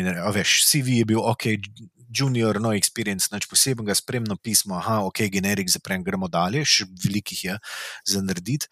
In isto so pa take specialne zadeve, kot je bil ta page, recimo, je full body v oči. Zaradi tega, ker sem video, video na YouTube, recimo, tak, veš, ker full, čist psihološka stvar je. Jaz imam 50 vrstic v Google Sheetu prispelih prijav in tam imam URL do CV-ja in imam fulejnih PDF-jev in uh, Word dokumentov in vseh teh zadev, pa pa tam vidim link do YouTube-a. Ok, bom kliknil, pa link, ki je www.uha išče službo.wordpress.com. Ok, zanimiv, bom kliknil. Ni da prav iščeš tako zadevo, ampak včasih kakšna zadeva pač bolj pade v oči. No. Zaradi tega jaz priporočam ljudem, da probajo tudi kako pač mal drugačno zadevo narediti. No. Zaradi tega, ker ne, pokažeš entuzijazem. Diferencijacija je pol v redu. Tako da to, kar se tiče pa hiringa, pa kako hajramo, uh, da ne bom preveč bluzi, je pa tako pri nas greš čez par korakov. Eno je pogovor z, content, z tehničnim ekspertom, ki ugotavlja, ali ti obvladaš področje, za katerega hajramo. Potem se pogovarjaš z našo e-commerce operations direktorico, ki ocenjuje culture fit in te ocenjuje kot človeka, kaj te motivira, kaj te drive, kaj te moti, kak je, v kakšni firmi nočiš delati, v kakšni firmi hočeš delati, a si redi za stres dela v agile. Startup-ish like korporaciji, um, in, uh, in na podlagi tega se odločimo, pol je vedno še en final, um, final razgovor z enim decision makerjem, uh, vmes pa včasih, kar jaz FLR delam za svoje hajre, je tudi, da v predkoronskih časih pivo z ekipo, pač večjo, večjim številom ljudi, v zdajšnjih časih pa zoom call, zaradi tega, ker hkrati, veš, v high pressure environmentih, če me vprašaš, je ful pomembno, da se ljudje štekajo, pa da se si všeč, pa da jim je fajn skupaj delati. In zaradi tega, jaz, če mi ekipa reče, ne, to nam pa res ni všeč, nočemo, it's a weird vibe, this is not gonna work. Tudi če jaz mislim, da je to the best hire on the planet, tudi če je the best, most amazing senior on the planet, ga ne bomo najeli. Zaradi tega, ker mora biti delovno okolje pač spodbujajoče in pač ljudje morajo v takem okolju, ko je tukaj enega dela in time pressure in result pressure in teh zadev, pač moram biti fajn v službo hoditi. No. Absolutno. Lej. Klej si rekel high pressure environment, pa ta job na Senzelebu verjetno ni tvoj prvi high pressure environment, ampak si jih že kar neki predelal. Ne? In na neki točki, um, to te fulj spoštujem, si tudi zelo um, odprto govoril o tem, kako si imel burnout. Pa bi te sam še prosila, kako zdaj skrbiš zase, kako si čel čez te faze, pa kaj so te nauke, ki si se jih naučil na tej poti, ki enkrat nisi mogel več na teh obratih delati. Okay. Um, najprej spet malo konteksta. Uh, burnout, blage oblike za tiste, ki so res proper burnout doživeli, zaradi tega, ker poznam ljudi, ki so rabili, ne vem, tri do šest mesecev, da so se sestavili, da so telefon vzeli v roke, privat, maile brali, jim je povzročal anksioznost, res, res težko. Um, moj burnout je bil jaz sem v ups and downs, recimo, no, sem delal, kdaj vem, na študiju Moderna, ki so bili neki hardcore projekti ali kako koli. Pa to je tako, nočem nobenega delodajalca hkrati pri tem učrniti. I loved working v vseh firmah, v katerih sem do zdaj delal. In ves overtime, ki sem ga jaz delal, je bil vedno moja odločitev. Jaz bi kadarkoli lahko rekel, petih, to je za danes, grem jaz domov, je bi ga, ne gre, ne morem ali kako koli. Ampak po eni strani sem bil full career driven, po drugi strani sem full tekmovalen, hkrati se mi zdi, da ne vem, je to za savske stvari ali ne, ampak veš, to so knapovska okolja. Tukaj je treba delati, ker delo krepi duha. Um, in pol dobiš nek tak work ethic, ki je overboard work ethic, ja. se mi zdi. No? Uh, to so bili ob devetih v službo, ob desetih kot čistilke, pa zdaj res morajo zapreti firmo, greš domov, ali pa pol na eni točki, kdaj je kasneje tudi, ne vem, ob šestih ostati, v službo delati do sedmih, domov, hitko sil pojesti, na kavč, delati naprej do enih pod tuš, pol urce, urco, na hiter neki stisn, tukaj, da si res redi za naslednji dan, 4 ure spati, zjutraj stati naprej. Tako da, kdaj so bili 60, 70, tudi več kot 70 urni delavniki in enostavno, you don't get any rest anymore. Ko si mlad, ni problema, pa ful velik nas je to delalo. Veš, imam kolege, ki so tudi v tem biznisu pa uspešni. Pa so to zgodbe, veš, ko se pogovarjamo na pirih, ko so pod mizo spali ljudje na uslužb, na hiter, zaradi tega, ker nimamo cajt, zdaj domov, zdaj zdaj je crunch, zdaj je akcija, zdaj na polno delamo, it's make it or break it. Veš. V našem fahu se mi zdi, da je vedno make it or break it, mesec, teden, dan, kanal, kampanja, whatever. Um, Tako da, in pa na eni točki sem, na eni točki bilo pa preveč, nisem najmlajši več, tudi pre 25, kamot pač ja. delaš in grindaš in haslaš in vse te zadeve. Um, po pa pri 35, pa pol ni šlo več na eni točki. In najbolj skeri, pri vsem skupaj, je, veš, ko nekateri eni mislijo, da si, si občutljiv, ne, si se zmatril, upehu ali kar koli. Pridite, pa delite 9 do 10, pa delite po 70 ur na teden, pa pa še to, veš, ne, ker pa, pa gledaš druge ljudi uspešne, pa bereš knjige o entrepreneurshipu in vseh teh zadevah. Every minute counts, ne Netflix, ber knjige, untret levo, desno, veš, in pol on top vsega tega dela sem jaz dodal še, pa bom knjige bral. Um, v biznisu, na mestu um, Večerja ali pa Lord of the Rings ali pa kako koli. In pol na mestu Netflixa bom jaz raje. Večer, uh, večer serija, večer igrca. Uh, serija igrice nisem špil, ampak okay. bom obljubil. Okay, um, cool. uh, drugač, full uh, avid gamer, ampak jaz sem bolj strategijan, gora so še v pisicah, imam pa zdaj PlayStation, tako da uh, tudi, tudi to špila, vas moja boljša polovica, ampak um, back on track. Um, ja, sorry, ja. A veš, in pol še to si narediš, da ko sem se pa končno ulegel v poslu, sem si pa še na Audible dal eno e-knjigo v biznisu. In, pol, in ko sem se pelil na šiht, si nisem dal muske, ampak sem si dal Audible knjigo v biznisu in pol možgal možgani so v konstantni overdrive, samo v jobu razmišljaš in pač you never slow down. In je, in je full to much. Me, kar je mene full presenetilo, je, no in pa le rečejo, ja, eno je masi občutljivček, um, tako da vsak je welcome to try, pa da vidimo, kako bo drugim šlo. Jaz pa vedno mu rekel, le no problem, uh, lahko zamenjava, pa vidva, kako bo šlo. Um, druga zadeva, ki pa je, je pa. Ful, jaz sem bil ful presenečen, kako je, je tako težko občutek je, ko delaš po 4 ure. Recimo, jaz sem pa bil na bolniški nekaj časa, ne par tednov, pa pol sem tudi zelo agresivno limitiral, koliko ur na dan delam, ampak ne zaradi tega, ker sem namenoma se šparil, ampak zaradi tega, ker nisem mogel. In ful zanimiv je, zanimiv, ne vem, če je zanimiv ta prava beseda, skeri v bistvu momenti, ko ti vidiš, ko se mentalno utrudiš, ko oddelaš 4 ure, je ura 12 in ti enostavno nisi sposoben več produktivno delati. Maila se ti ne da več napisati, ker ti res ne, vem, ne, ne da se ti je napačna beseda. Ne moreš tudi ne vem, če je čista prava, zaradi tega, ker fizično si sposoben veš, ne, napisati ga, ampak enostavno ne moreš ga napisati. Deadline, klienti, projekti, stvari treba narediti in ti si ti pač nisi sposoben tega narediti. No. In kakšni ljudje so uporabljali ful več za to, da so se pač spravili nazaj, in marsikdo pravi, da pač več kot 8 ur produktivno enostavno ne uspejo več oddelati. In pa je tudi vprašanje, veš, se ti splače do ne vem. 31 ali pa 35 let, do te mere skurt, da ne boš več sposoben nikoli ekstra eforta v preostanek svoje kariere da narediti. Zaradi tega, ker to je on the balance, res. Ne? Nekaterim se uspe, preden se skurijo, pridi do tam, kjer pa lahko reče: Ok, zdaj bom pa izpregel, zdaj pa sem uspešen startup business owner, imam investment, imam to, bom ljudem delegiral, bom hajral ljudi ali pa kakorkoli. Ampak marsikomu se pa ne uspe, oziroma marsikdo, ki pa sploh tisti, ki nismo interprenurijali duše. Smo pa nekako obsojeni celo kariero delati v nekih vlogah, kjer veš, Jaz nimam lasniškega deleža v Senci Labu, v nobeni drugi firmi, v kateri sem ga imel, ga nisem imel. In pa ne moreš tukaj reči, pri 35 mi je pa zdaj uspel, zdaj bom pa pač jaz živel od tega, da drugi delajo za mene v firmi, ki si jo jaz lasnim.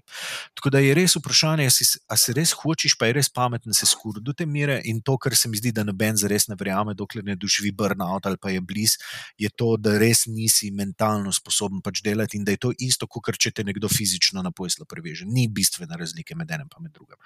Tako da takrat sem pol um, fuligrce špil, PlayStation, Skyrim, recimo, cel sem prešpil um, v času, ko sem recoveril od Burnouta. Uh, tisti, ki poznajo gaming, pa poznajo Skyrim, vejo, da prešpila pa kar konkretno sem večino stvari sfiniširal v Skyrimu, tako da vejo, kak investment je to. Full Netflixa, full stupid uh, American teenage comedy so mi full pasali. Veš, tako je zdaj, ko sem žgani, sem drive, so voznikov sedeš in we're on, we're on a ride now in to je to. Autopilot. Um, tako, autopilot. Ja, tako da, kar zdaj delam je pa tako, uh, rečemo, senci lapi tudi full cool, zaradi tega, ker vsem tistem, ko imamo mogoče vem, malo bolj stresne pozicije, pa jaz zdaj don za sebe ne bi rekel, da sem pod stresom ali pa da imam stresno pozicijo, ker mislim, da je treba tudi malo zdrave mentalitete imeti ja. do tega, da veš, jaz pa, kdaj se kdo ful sekira ali pa se je kdaj prej tudi že. Um, ker jaz načeloma nisem zaradi, jaz nisem zaradi sekirancije prišel do tega, ampak je bil čist exhaustion, mentalno, fizični, se mi zdi. No? Um, ampak jaz vedno vsakem človeku rečem, what's the worst that can happen? In pol vsak, skoraj vsak odgovori. Veš, pol, če si za agencijo delal, so rekli, klienta bomo izgubili. Okay? What's the worst that can happen, če tega klienta izgubimo? Firma bo propadla. Od enega klienta, ki predstavlja 3,7% total monthly recurring revenue, ne bo nobena firma propadla. Try again ja, novega klienta bomo mogli najti. Ok, is that really so bad, da moraš ti zdaj tukaj delati po 12-14 ur, zato da for sure zihrno izgubimo tega klienta, kar itak ni certainty na eni točki, ga najbrž bomo. Ali pa če delaš za firmo, what's the worst that can happen? Službo bom izgubil, je tudi ful velikrat odgovor. Ok, in ko se bo pol naredil, ja, ne bom nove službe dobil delaš za full znano firmo, delaš, za, delaš in imaš skillset, ki ga full firm nuca, stalno dobivaš, verjetno ponudbe, pa te na LinkedIn-u snubijo ali pa ti pošiljajo neke ponudbe ali kako koli. A res misliš, da je viable, real option, da boš naslednjih 50 let ostal brez službe, če delaš v digitalu? Ne. Ok, what's the worst thing that can happen? Zgubil bom službo, ok, in potem bom dobil novo službo. A bo slabša od te, ne vem, kar pomeni, da bo mogoče boljša. Ja, ok, se pravi, the worst thing that can happen, če ti ne boš sam sebe ubal zdaj, ko delaš za to firmo, je to, da boš za drugo mogoče boljšo firmo šel delati. Veš, treba je malo perspektive dobiti, no? zaradi tega, ker se mi zdi, da se ljudje res ful preveč sekirajo včasih.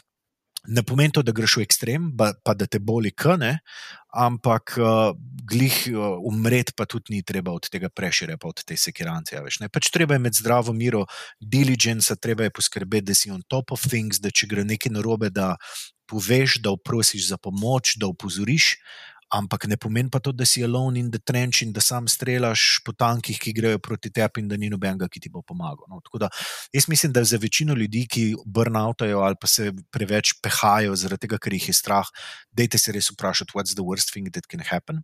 Za tiste, ki pa pač čisti iz tega vidika, da demo, demo gasa, pa demo žgati, pa. Pri meni je bil v veliki meri problem v tem, da sem hotel vse sam narediti, pa sem pa začel, in pol, ko smo prišli ven iz te faze, sem začel delegirati, ampak sem hotel vse sam preveriti. In sem rad v bottleneck, zaradi tega, ker je bilo ful stvari narejenih, ki jih je ful ljudi naredil, ampak jaz sem bil pa tisti, ki je mogel zdaj pogledati pitch, pa strategijo, pa rezultate, pa analizo po te zadeve. Ena, ful upočasnjuješ cel biznis, dva, ful imaš dela. Veš. Najprej si po sestankih cel dan, pomaš pa milijon stvari za pregledati, pa za provat.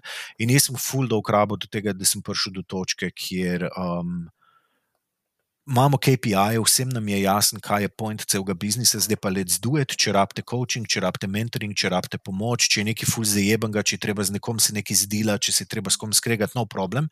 Ampak do not send me things for approval. I don't need to know. Veš, in jaz tudi ne rabim, jaz ne delam načeloma z ekipami, kaj bomo delali ta teden, pa kaj ste delali prejšnji teden.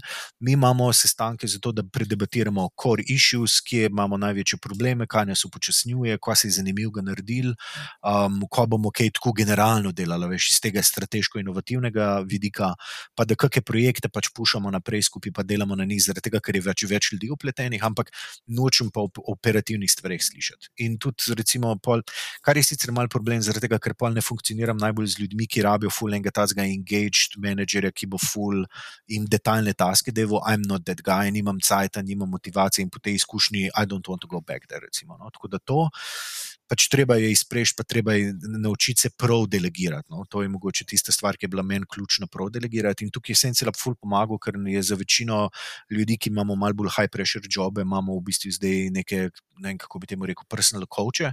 In mi dva sva z coachico ful delala na tem, da so se pogovarjala o mojem burnoutu in tej potrebi po tem, da ful delaš.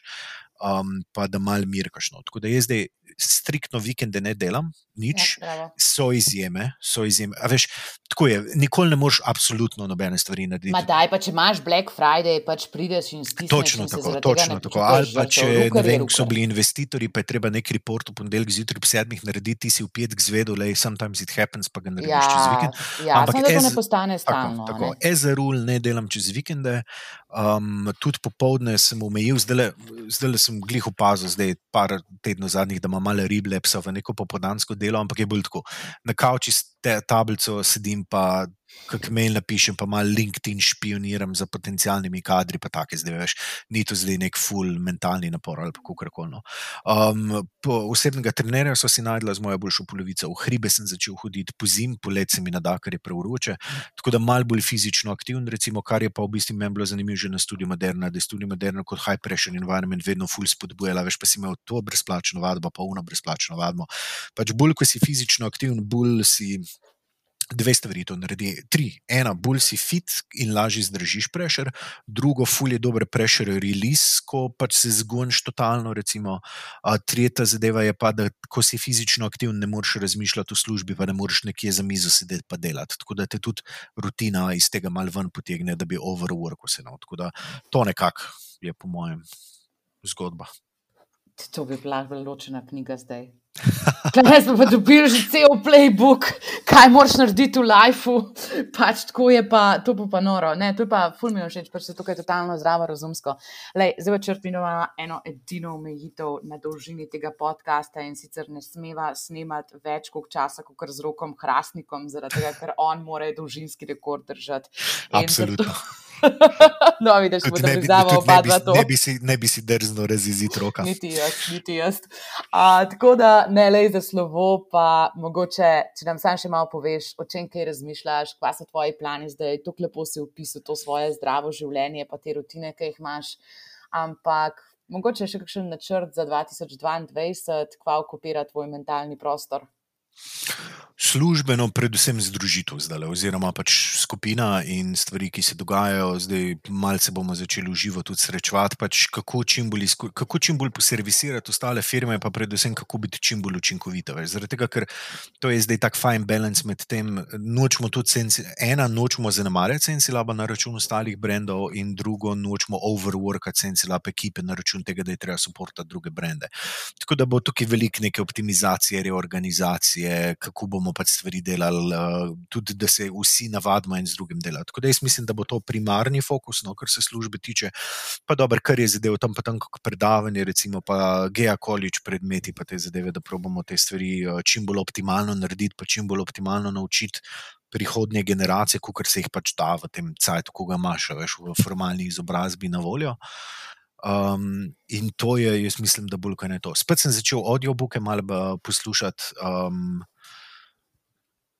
drugače pa, drugač pa ne vem. eh, Privat pa, mm, predvsem se probati držati, zaradi tega, ker šport smo zdaj začeli, ampak smo še daleč od idealnega stanja. No, ampak prvič v življenju bi res rad bil fit, se mi zdi. No, eh, tako da Nice. lahko res rečemo, da sem fit. Um, tako da to je neka ena zadeva, na kateri delamo, drugače pa zdaj le me ful okupira gradnja oziroma prenova. Ki je najbolj stresen projekt v življenju, po mojem, v tem trenutku. Uh, ko bo pa gradna zaključena, me bo pa ful okupiralo uživanje v izgrajenem.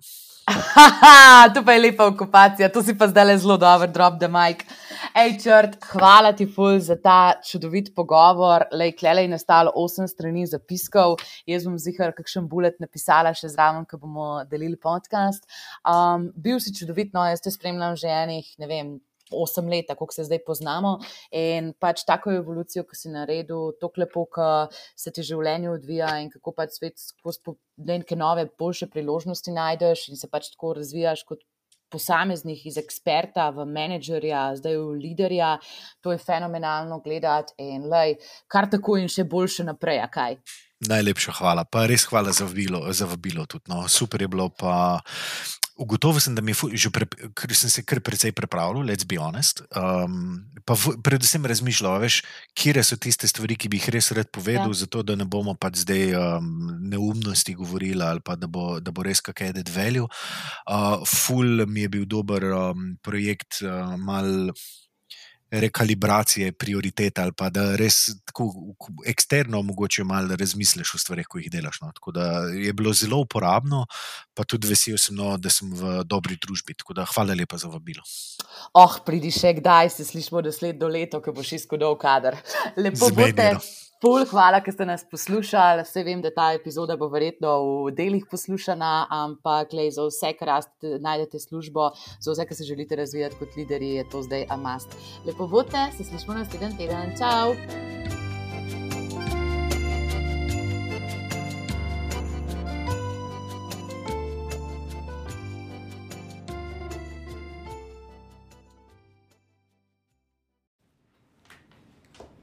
Danes pa blazno resno o temi, ob kateri se mnogi hitajo, nekateri zatiskajo oči, ampak ne smemo se slepiti, da mladostna radovednost slejko prej ne zaide tja.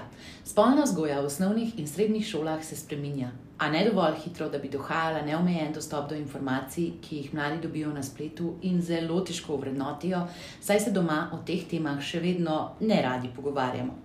Spoznate ekipo Jaz in Timi, ki je zmagala Social Impact Award Slovenija tekmovanje po izboru strokovne žirije. Gre za strokovni, preventivni in inkluzivni način naslavljanja tem odraščanja odnosov spola in spolnosti. Z nami so Julija Hladek, Tjaša Kos in Katja Brečko in pogovarjali se bomo o tem, kako transformirati spolno vzgojo za mlade. Japonce živijo, kako pa smo danes kaj? Super. Ja. Ej, kako ste preživeli to zmago, kakšno je življenje po zmagi? Zanimivo, pestro. Veliko smo vam sedeli v medijih, ne? Ja, kar naenkrat, nismo tega vajeni. Ja, pa dobro, le, danes smo tukaj, ni vaša prva runda, tako da jaz sem pripričala, da bo tole super upravljati. Tudi me, upamo. In za ogrevanje eno zelo preprosto vprašanje. Se pravi, a ste se vi poznali že odprej, ali ste se spoznali prav posebno za ta projekt, ki ga skupaj delate? Ja, v bistvu smo se spoznali na faksu. Um, vse študiramo socialno pedagogiko in v prvem letniku smo pač padli skupaj v letnik in se začeli družiti, in prijateljstvo je šlo dalje. Kaj pa je socialna pedagogika? Kaj se pa učite tam? Uh, v bistvu gre za področje no, dela z izključenimi skupinami, uh, tudi nekako uh, na področju čustev, vedenja, uh, šolska svetovalna služba, delo z ranljivimi skupinami, tako zelo široko področje. Tako da v bistvu potem na koncu se odločiš, vem, ali bo šel v zapor, ali bo šel v šolo, ali bo šel uh, na kralje ulice. A ja, dela to. Uh, upamo, da je v zaporu študentskih let. Začela si zelo tako. delovno, delovno. Ja. Ne, ampak fino, zaradi tega, ker tukaj učimo v bistvu te andragogike, ne, kako je v bistvu izobraževati, pa delati z odraslimi ljudmi, predvsem. Uh, vi ste pa vse šli na mlade, pa mogoče čisto iz vidika izvora te vaše ideje, pač spolna vzgoja, odnosi, spol, spolnost. Um, zakaj vam je bila ta tema tako zelo pomembna? Izhajali smo v bistvu iz sebe. Uh, nastalo je čisto iz nekega sproščenega pogovora uh, med nami in tudi ostalimi, no, ker na začetku nas je bilo več, uh, tudi drugih kolegic iz letnika. In potem v bistvu smo razmišljali, kaj je tisto, kar nas ful moti, kaj je tisto, kjer bi me lahko nekaj spremenili. Um, razmišljali smo tudi o tem, kako je bilo bolj pri nas, um, glede tega. Kako je bilo prvo glede tega? Zelo različno. ja. Jaz sem imela eno izkušnjo um, v bistvu na obali. Je tako, da um, ena medicinska sestra oziroma zdravstveno osebje ne, uh, prihaja pač v osnovne šole uh, in potem nekako odpredava tistih nekaj ur ne, na leto um, to spolno vzgojo. No, um, Sej, o tem bomo tudi še več kasneje mogoče odgovorili, kako to trenutno poteka. Um, ostale so pa imele drugačne izkušnje. No? Ne vem, mogoče če poveste. Ja, prosim. Moja je bila bolj usmerjena v natikanje kondomov in govor o spolno prenosljivih boleznih, kaj več od tega se niti ne spomnim, da bi bilo. Uh mhm. -huh. Ja, jaz se spomnim uživo PowerPointa s slikami o spolno prenosljivih boleznih, ki nas je vse odvrnil, mislim, da od vsega za tisti en mesec, pa pa pozabiš na vse, naučiš se pa tudi bolj malo. Tako da um, ni bilo jih poučno, ni bilo dolgoročno, nikakor koristno. Ele, jaz sem pa eno desetletje pred vami tukaj le in mi smo imeli pa neko krasno knjigo uh, Blazo Resto o seksu od SMUK. Uh, pa ena medicinska sestra je tudi hodila po osnovnih šolah z nekimi kipi od spolnih organov. In smo imeli prav neke fizične makete. Tam resno. Pač tako, mislim, to so nam vedno na sistematske preglede, ja, na Turil. In pač tisto je bilo, kot si ti prej rekla, ne pač tisto, joj, da rajš ne bi tako kuli, pač sam vedno to upravljati. Ampak, ja, klele, ki smo jih začeli se pogovarjati, pa kje pa danes tako mladi v resnici dobijo največ informacij o temi, ki jo pokrivate? Mi smo eno leto nazaj naredili raziskavo o pogledu mladih na spolno vzgojo v slovenskih osnovnih šolah in tam smo dobili res ful nekih informacij, prav z njihove strani, ki se nam zdijo res bogate. In so rekli, da največ informacij tako dobijo od vrstnikov in vrstnic, kar je pač super, če tako gledaš, da je medvrstniško učenje dobra stvar, ampak potem, ko pomisliš, kaj si ti bil mlad in kakšne informacije si ti imel, pa da uh, velika rad so kar neke informacije, ker res niso uh, prave, ki so kar nekje pridobljene, um, tako da ne bi ravno podpirali, da je samo to nek vir pridobivanja informacij. Potem tudi pravijo, da veliko dobijo od drugih odraslih, predvsem tle omenjajo mame.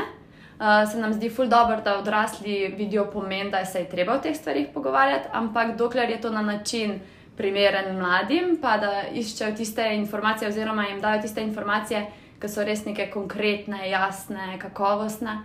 Uh, potem pa so še omenjali, uh, seveda, splet, splet uh, pornografske strani in pa Facebook, Instagram, TikTok kar uh, vemo, da je pač leglo nekih napačnih informacij in pač ne smemo niti dovoliti, da se vzgajajo v odnosih prek uh, teh virov. Tako ne, nerealistične, pa skoraj mm. toksične predstave. Mm, ja, ja. Tako je. Ja, dobro, a forumov pa ni več noben omenil. Mm, ne, ne, niti ne. No, saj nekaj. Dejansko. Ampak, če bi vprašali starše, recimo, bi pa verjetno uh, mm. omenjali uh, medover.net, yeah. starševski človek, kar je lihtko zaskrbljujoče. Verjetno tam bi zanimalo, kako se sploh ja. pogovarjati o teh ja. temah s svojim otrokom. Ja. Ma ne, zaradi tega, ker tudi gre za neko kuriranje informacij.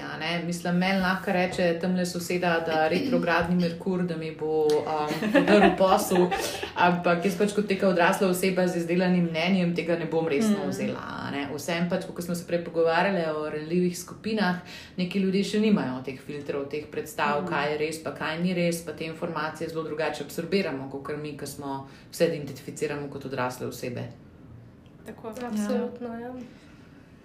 No, fino, ej, in zdaj pa, mečkaj smo se prekinili na točki, kjer bi povedali, kako se je pa sploh rodila ideja za jaz in timi. Ja, to je bilo že kdaj, spomladi 2022, eno leto nazaj. Um, 20, 20, ja, 20. 20. Ja. ja. Aha, ti hitro mini več. ja, ja, zelo, zelo, zelo zdaj s tem projektom in vse. Um, ne, v bistvu v okviru študija smo mogli se spomniti tega projekta. In mi smo se pač usedli, smo malce vekale, kaj nas moti v družbi, v šolah, tako nasploh in kaj nas zanima. Ne? In takrat je bilo na Netflixu Sex Education, ki je spet uh, nova sezona, ali če kdo gleda. Um, in ko smo nekako navajali te probleme, smo se vedno znova vračali na ta sex education in na to spolno vzgojo. Ponovno sestro. Ja, ja. in na tisto mamo.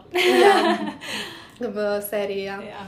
Um, no, in pa smo ugotovili, da to je v bistvu nekaj, kar nas vse res, res zanima, in smo se odločili, da se bomo kar tega lotili. Uh, začetki so bili tako kar pestri, ker smo imeli zelo ambiciozne ideje, ki pač, uh, če zdaj pogledamo nazaj, niso bile na začetku najbolj realistične. Ampak uh, prek vseh oblik in vsega je ideja prišla do Sije, ker nam je pomagala to idejo izpopolniti, in evo, zdaj imamo Ej, program. Ja. Prav, vsi je pomenil Social Impact Award, da ste zmagali. Um, pa mogoče sam, ker ti si rekla, da je realistična ideja in to mene ekstremno zanima. Kaj je prva ideja? Joj. Um, prva ideja, prva ideja, ja, ja, ja. prva ideja je bila, da bomo mi v enem semestru napisali priročnik za učitelje za spolno vzgojo, torej knjigo. Uh -huh.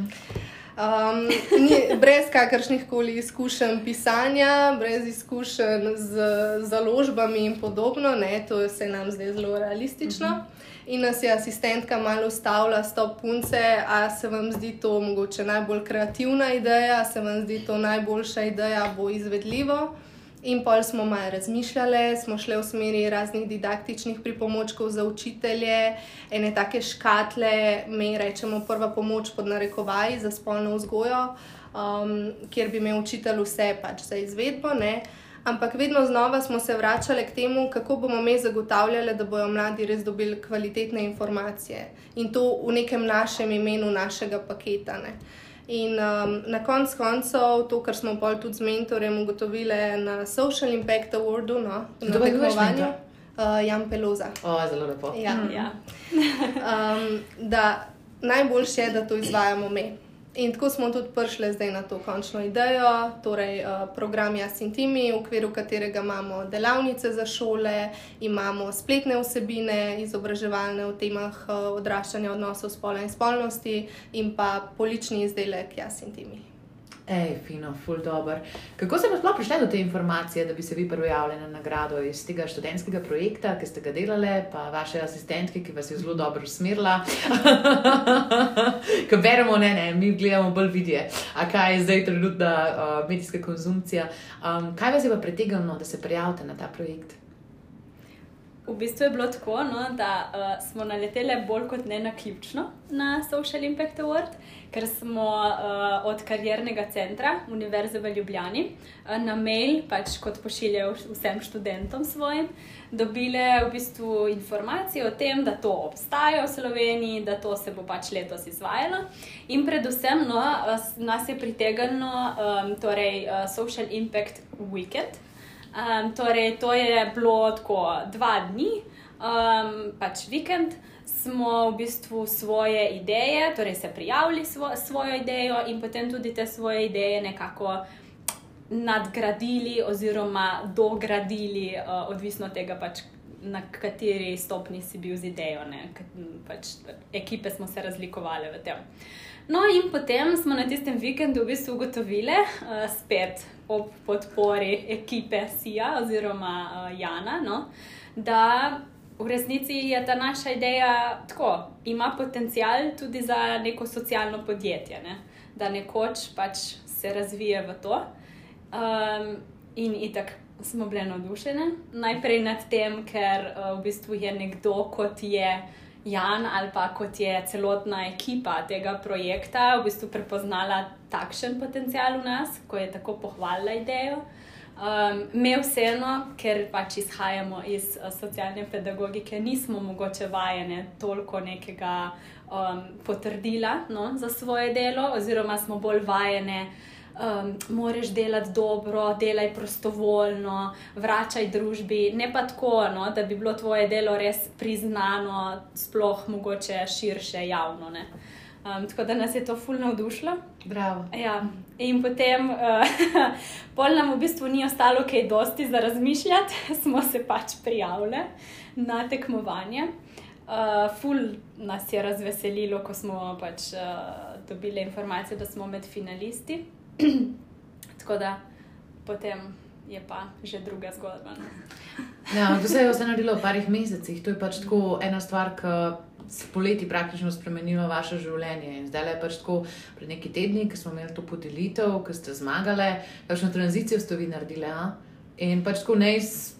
Podbitno vprašanje je, kaj za vas pomeni ta zmaga? Ali vas je kot ekipo še bolj povezala, vas naredila bolj ambiciozne? Tako, kaj pomeni te zmage?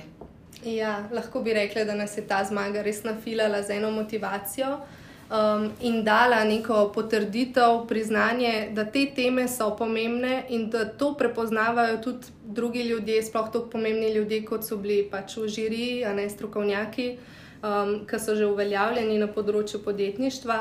In um, res, pač mi smo bile tako polne energije in tako kar žarele smo, po moje, ta teden, oziroma pač še kar, Skr, ja. še kar čutimo ja, ja. to motivacijo. Ja, ja, ta energija je v zraku še vedno. Jaz mislim, da lahko z eno besedo rečemo, da smo bile presrečne. No? Oziroma, da smo presrečne, pa ne tako z vidika samo emocionalno, ko rečeš, zdaj sem pa full vesela. Ne? Ampak tako, ker res vidiš, da ok, toliko si se trudil, toliko si vlagal enega časa, ene energije. Uh, Itak vsi vemo, da pač ni vedno vse super in da pač moraš prebroditi tudi težke čase, in potem, evo, in pol pride neka taka žirija um, in te prepozna in te nagradi, ampak sej ni point v nagradi. Nam je predvsem pomembno bilo to, no, da je bil prepoznan naš trud in da v bistvu je neka odskočna deska za naprej. Ej, fantastično. Ampak, kako govorite, imam občutek, da se je pa delo šele začelo. Ja. V resnici, ja, kljub temu, da že eno leto delamo res intenzivno na tem, smo šele na začetku. Mm. Ne, medijsko izpostavljenost ste zdaj zelo dobro imeli, potem na družbenih omrežjih ste začeli migati pospešeno. Kako zdaj življenje po zmagi poteka? Intenzivno. Pa ne mogoče tako kot pri vas. Ampak ja, še vedno, definitivno nismo vajeni. No. Se še imamo faksa zraven, tako da jaz lahko samo eno stvar zbalansirati. Mi imamo magistrske naloge za spisati v tem letu, tako da bomo v bistvu kombinirali program in uh, magistrske naloge. Kar v tem magistrske, vse tri magistrske, kar v tem. Ne, super, kako dobro je res. In ajde, prej smo že rekli, um, malo smo se pohecali o teh maketah, pa medicinskih sestrah, ki so sicer heroji, angeli v belem, ampak pač, ko pride do pogovora o spolnosti in spolu in take zadeve, je res odvisno od izvajalca, no? pač tako od njegove odprtosti, od inkluzivnosti in vseh teh stvari. In da imamo mogoče mal poudariti, kako se je spolna vzgoja spremenila v zadnjem desetletju, odkar smo jo mi prejeli. Ja, Um, to je v bistvu dokaj težko vprašanje. No? Um, zaradi tega, ker v resnici ni nekih um, novih reprezentativnih raziskav. Um, tako zgleda, kot da je to res ena zelo, zelo postranska stvar, v, kar se tiče vem, um, oblikovanja nekega kurikula in tako, tudi strani ministrstva. Um, me upamo, no, da se bo začelo nekaj na tem delati, ampak če gledamo zdaj zgodovinsko, mislim, vsaj recimo od samostojnosti Slovenije, se prav strašansko bistveno stvari niso spremenile. Um, Tako je sicer, da naj bi pač te vsebine, torej nekako vsebine spolne vzgoje, bile vključene v neko, um, med, neke medpredmetne povezave, uh, ampak v večini, no, to poteka večinoma uh, torej znotraj pouka biologije, um, kjer vse je lepo in prav, še dobro, da se vsaj tam, ampak uh, večinoma je potem predstavljen samo ta medicinski vidik. Um, pač o vem, reproduktivnih organih in vem, kaj se dogaja s telesom, fiziološko, pubertet in tako. Zmanjka pa potem tisti psihosocialni, no bi se reklo. Um, tako da, ja, nekih, o nekih sistemskih napredkih, prav za res težko je govoriti. No. Ker je bolj kot ne prepuščeno še vedno uh, in posameznim vodstvom šole, in posameznim pedagoškim delavcem, delavkam, ki te vsebine potem izvajajo. Ja, žal mi je to slišati, ampak zelo iskren odgovor.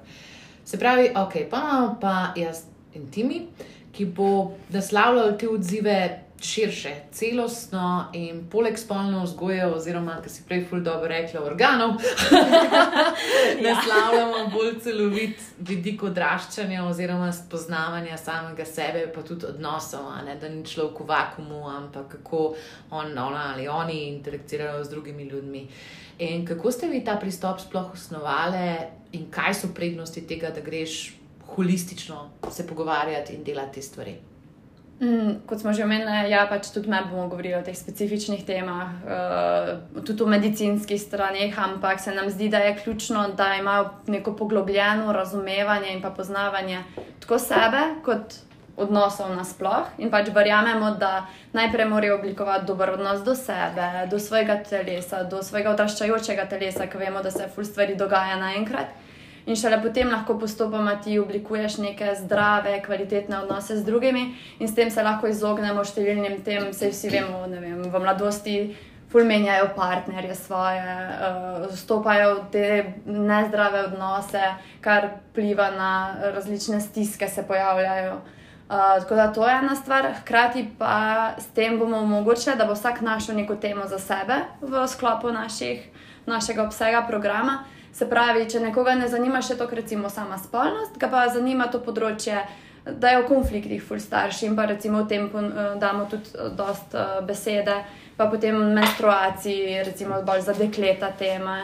Um, pa že sam, recimo, nakup modrčke, spet ena čist druga tema, ampak vseeno v šoli ti najbolj pri nobenem predmetu ne boš nič o tem slišal. Je pa vseeno pomembno, no? uh, da si malo bolj opolnomočen za vse stvari, ki te čakajo v odraščanju. Hmm. Mene je to tako všeč, zaradi tega, ker je holistično. Um, Ful mi je žal za tole primerjavo, ampak jaz sem zdaj le dva dni trenirala ekipe, ki preuzgajajo živali. Včeraj sem imela vse, danes sem imela konje vse je narejeno čez isto foro. Pač tako, lej, metoda je bila pač tako kristalno jasna. Prva stvar je bil, da si identificiral probleme. Mm -hmm. Kot si rekla prej, te zelo življenjske stvari, se pravi, ne vem, sem na zabavi, tam pač tako ti pleše z mano in se me dotika na neprimernih mestih. Mm -hmm. A pa ne vem, hočejo, da pijem alkohol z njimi, a pa ne vem, mhm. ponudijo mi ne vem kaj vse. Mhm. In te stvari.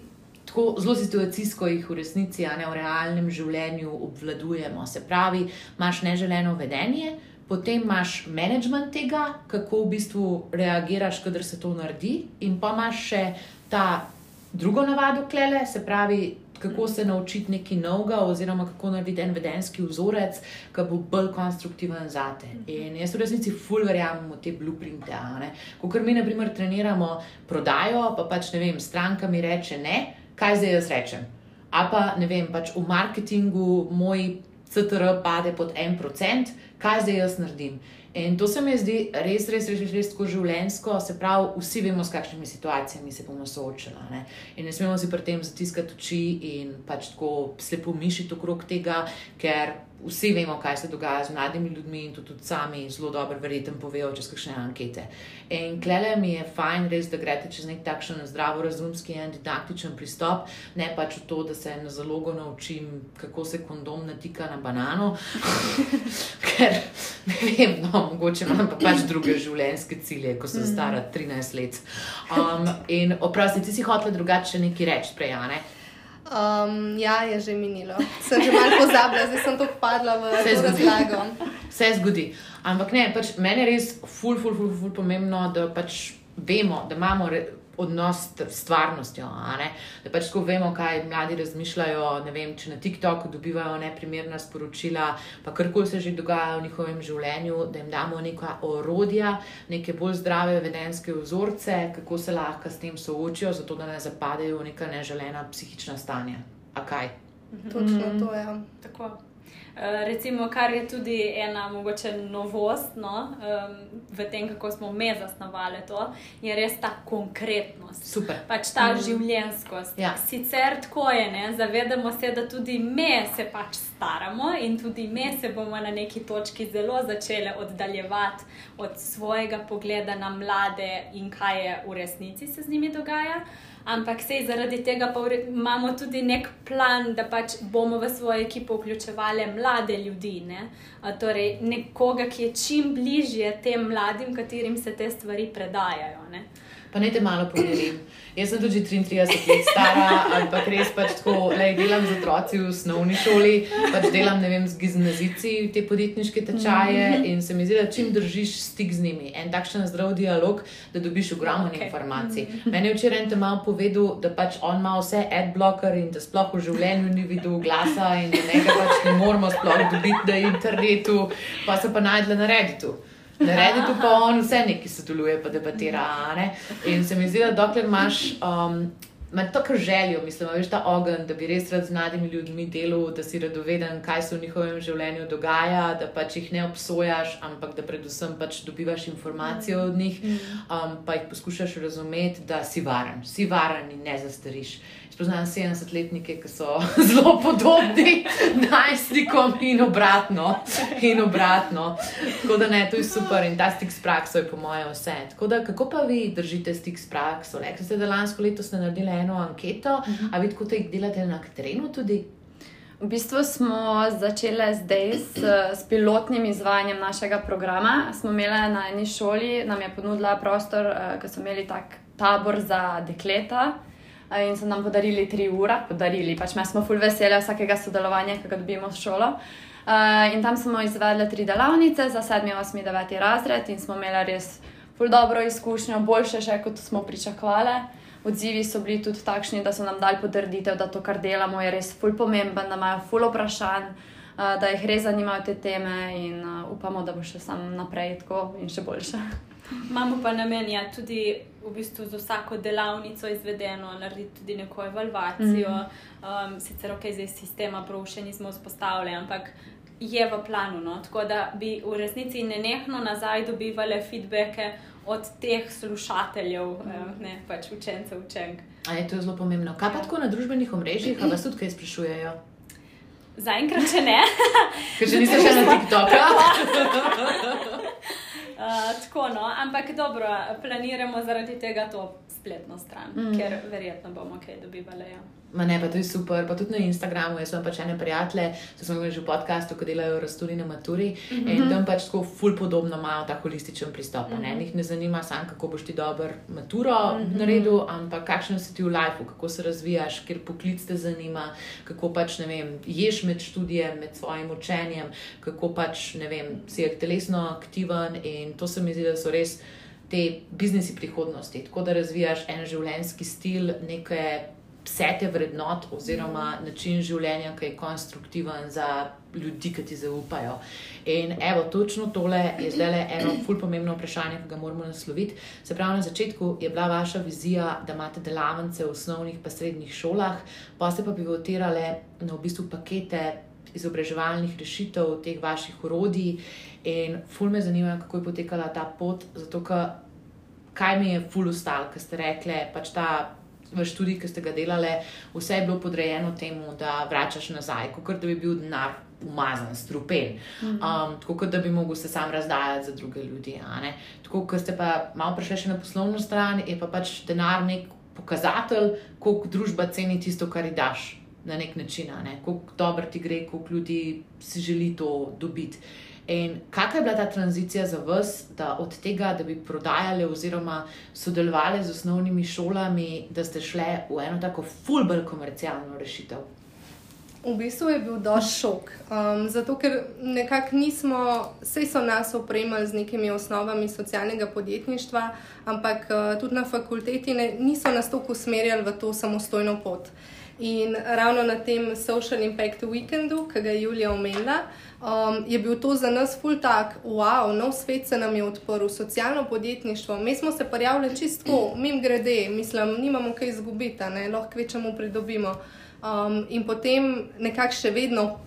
Pač plavamo in se iščemo v tem, ker uh, nekako iz biznisa nimamo spet toliko znanja, uh, ampak se ga učimo in uh, gradimo na tem, da bomo lahko res kot socialne podjetnice uspešne in predvsem, da bomo dosegali naš cilj, ki so vedno mladi z nekimi kvalitetnimi informacijami. Je pa mm. mogoče zdaj tako izpadlo, ne? mislim, sej na fakulteti imamo tudi predmete, ne vem, managementa pa tako. Um, Sam ni isto. Ni, da nam je to neka, kot da bi zdaj v prvič slišali, ne, ja. business world ali pa kaj takega. Ne?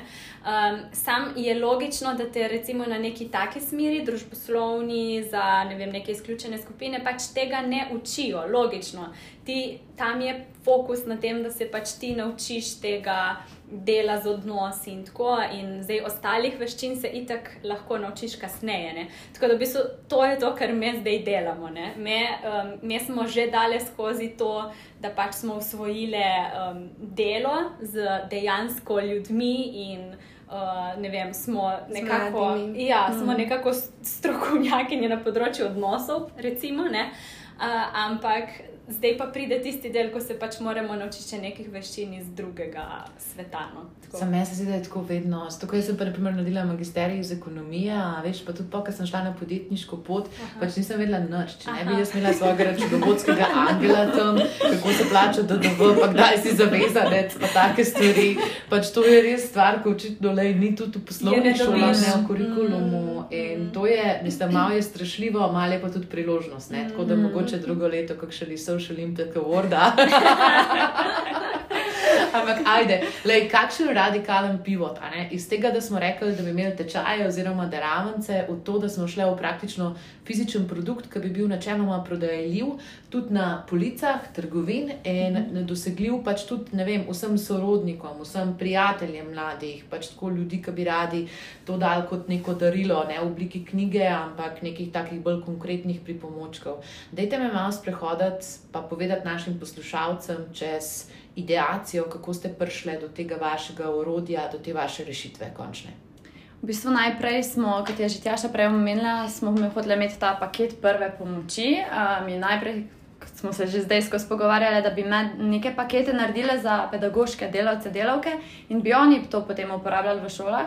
Smo bili tako pač ne, moramo si me vzeti to neko odgovornost, da me predavamo mladim o teh temah. In zraven smo vse to dopolnili s pripomočki, ker se nam zdi pomembno, je, da tudi določene stvari vidijo. Kateri pripomočki pa so notrke? Že zelo rado vidim. Bomo tako. No, že čisto na začetku so nas v bistvu podprla podjetja, recimo Lalikap nam je podar podarila menstrualne skodelce pa menstrualne spodnice. Lekarna Ljubljana teste nosečnosti, to sama, vložke in pa tampone. Eh, pa drugart nas je opremo s kondomi in pa lubrikanti. In to tudi zdaj, ko bomo me recimo hodili v šolo, to bomo se me zraven prenesle pokazale. Uh, in tudi upamo, da bodo ta podjetja še naprej z nami sodelovala, še koga zraven vključimo. Zraven se nam pa zdi, da pod vse to še spada uh, seznam organizacij in pa društev, kam se lahko mladi usmerijo po pomoč na svet iz teh najrazličnejših tem, ki jih me naslavljamo. In vse to bo v neki manjši obliki zapakirano v tem poličnem izdelku. Zdaj, kaj bo ta polični izdelek, še ne vemo, ker je načrtovan za prihodnje leto. Oziroma, um, imamo ideje, samo ideje so ja, ampak brez veze, da karkoli govorimo, ker se bomo najbolj zlagali. Tako da, ja, da bo v tem uh, poličnem izdelku, da bo neka vsebina, nek pripomoček uh, in ja, lahko kupi to babica svoje vnučki za rojstni dan, uh, ali pa sama mladostnica, ne vem, pri 16. gre v trgovino in si svojo žepnino kupi to. Tako da v resnici je mhm. mišljeno um, kot razdeliti to na neke manjše paketke, mhm. um, tematsko, seveda, tako logično, no, da bo pač uh, zaželjeno med mm. kupci oziroma uporabniki. Um, tako da to. No. Kako dobro. Čisto sem zastrigla z ušesi, ker ste dobili že podjetja, ki sodelujejo z vami. Mm -hmm. Na kakšen način se je to naredilo? Uh, v bistvu tako, da so oni so v bistvu donatori uh, zaenkrat na tej uh mhm. -huh. točki, um, za kar smo res izjemno, izjemno hvaležni.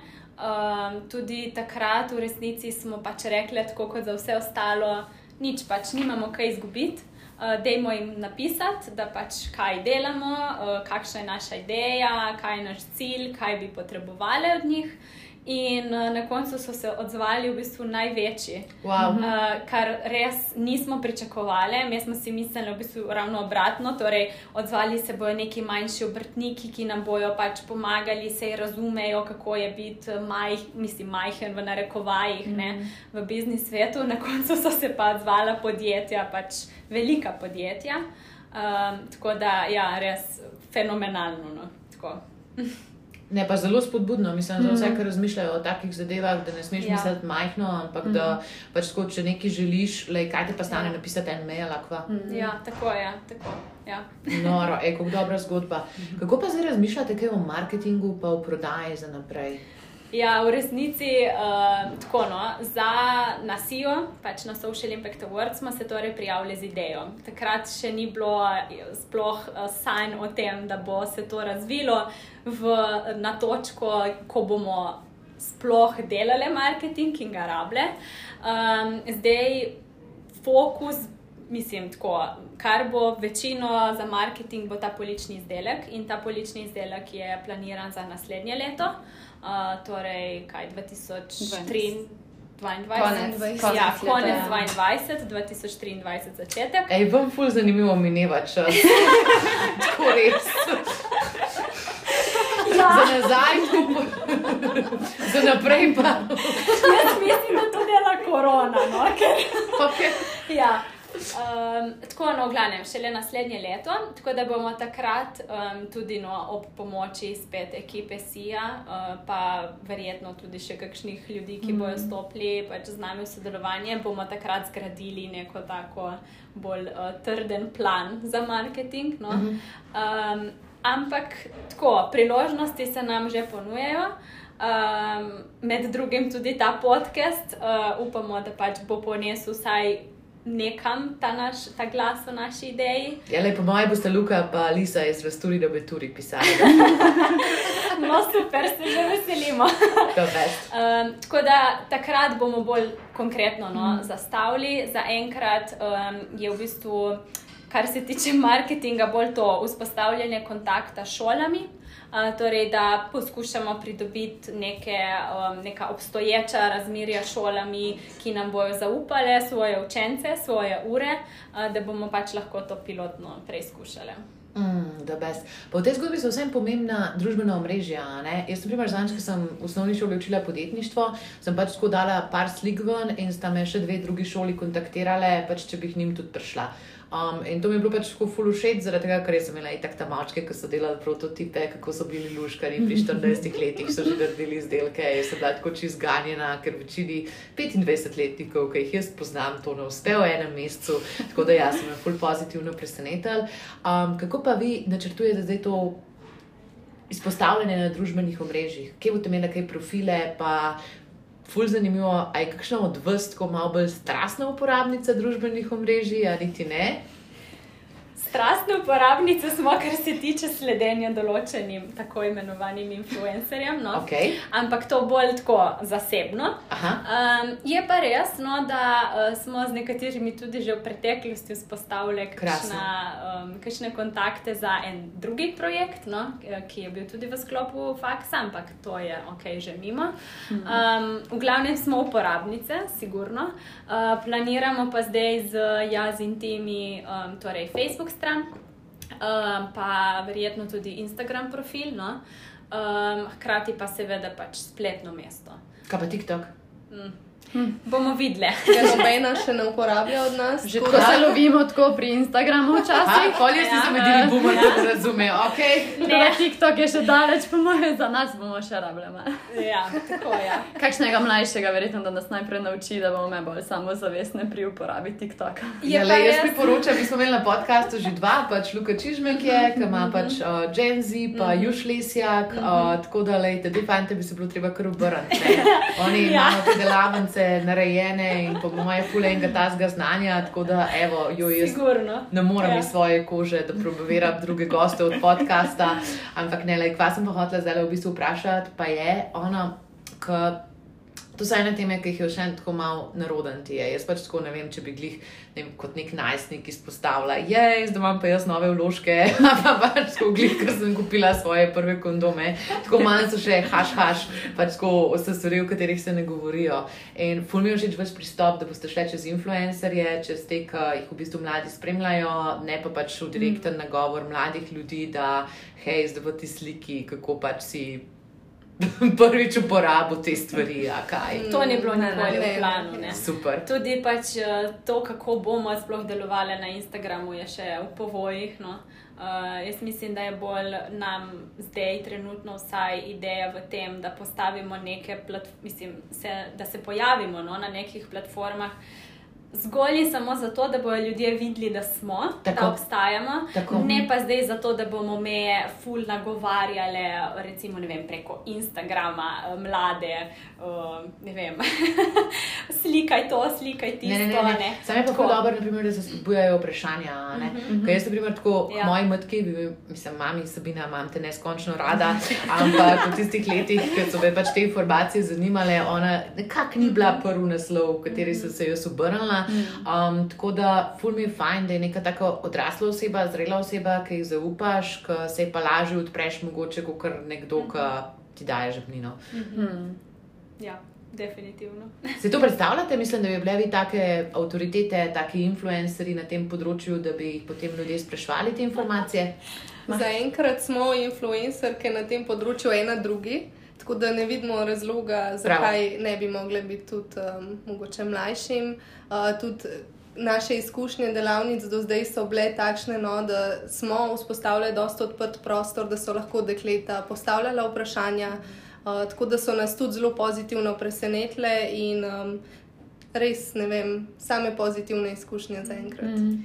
Je pa tako, ne. Odgovor mi je bil drugačen, fully všeč, fully bil pozitiven in bil ja. Oprosti. Uh, ne, nič hudega. Je pa tudi to, ne. Um, Ful je prednost, ker smo še tako, smo zunanje, kar se, ko pridemo v šolo. Ne? Tako ste.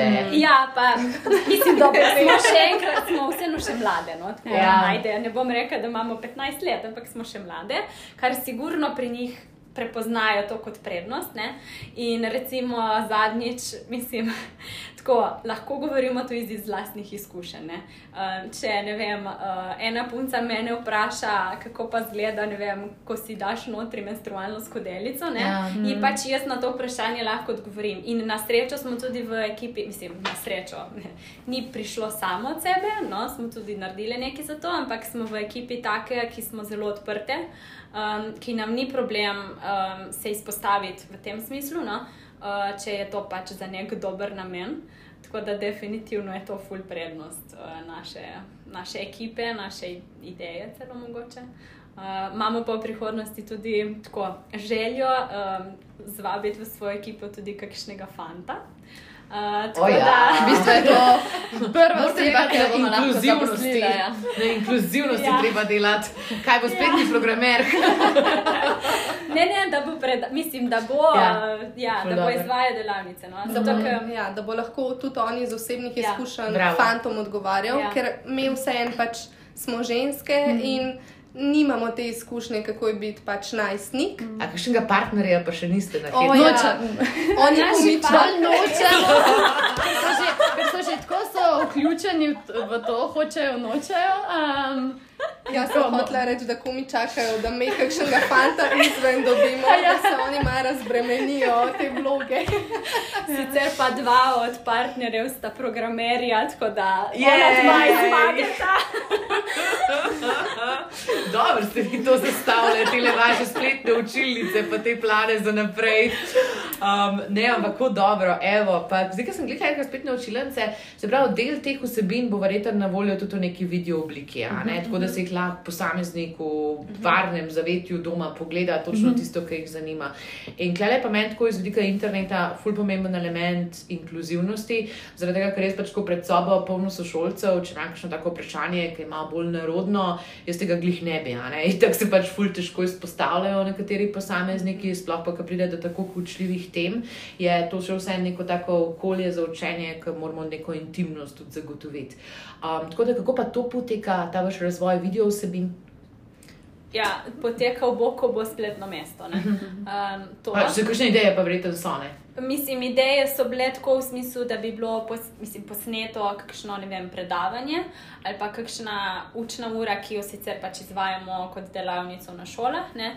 Tako da um, tudi tisti učenci, ki so na šolah, do katerih še nismo prišli, ali pa mogoče niti ne bomo še v kratkem času prišli, imajo pač dostop, do, bi imeli no, dostop do teh vsebin. hkrati pa, da bojo vsebine tudi za starše, recimo, da si Ja. lahko oni Ja. pogledajo, se oni kaj naučijo in pedagoški delavci, delavke.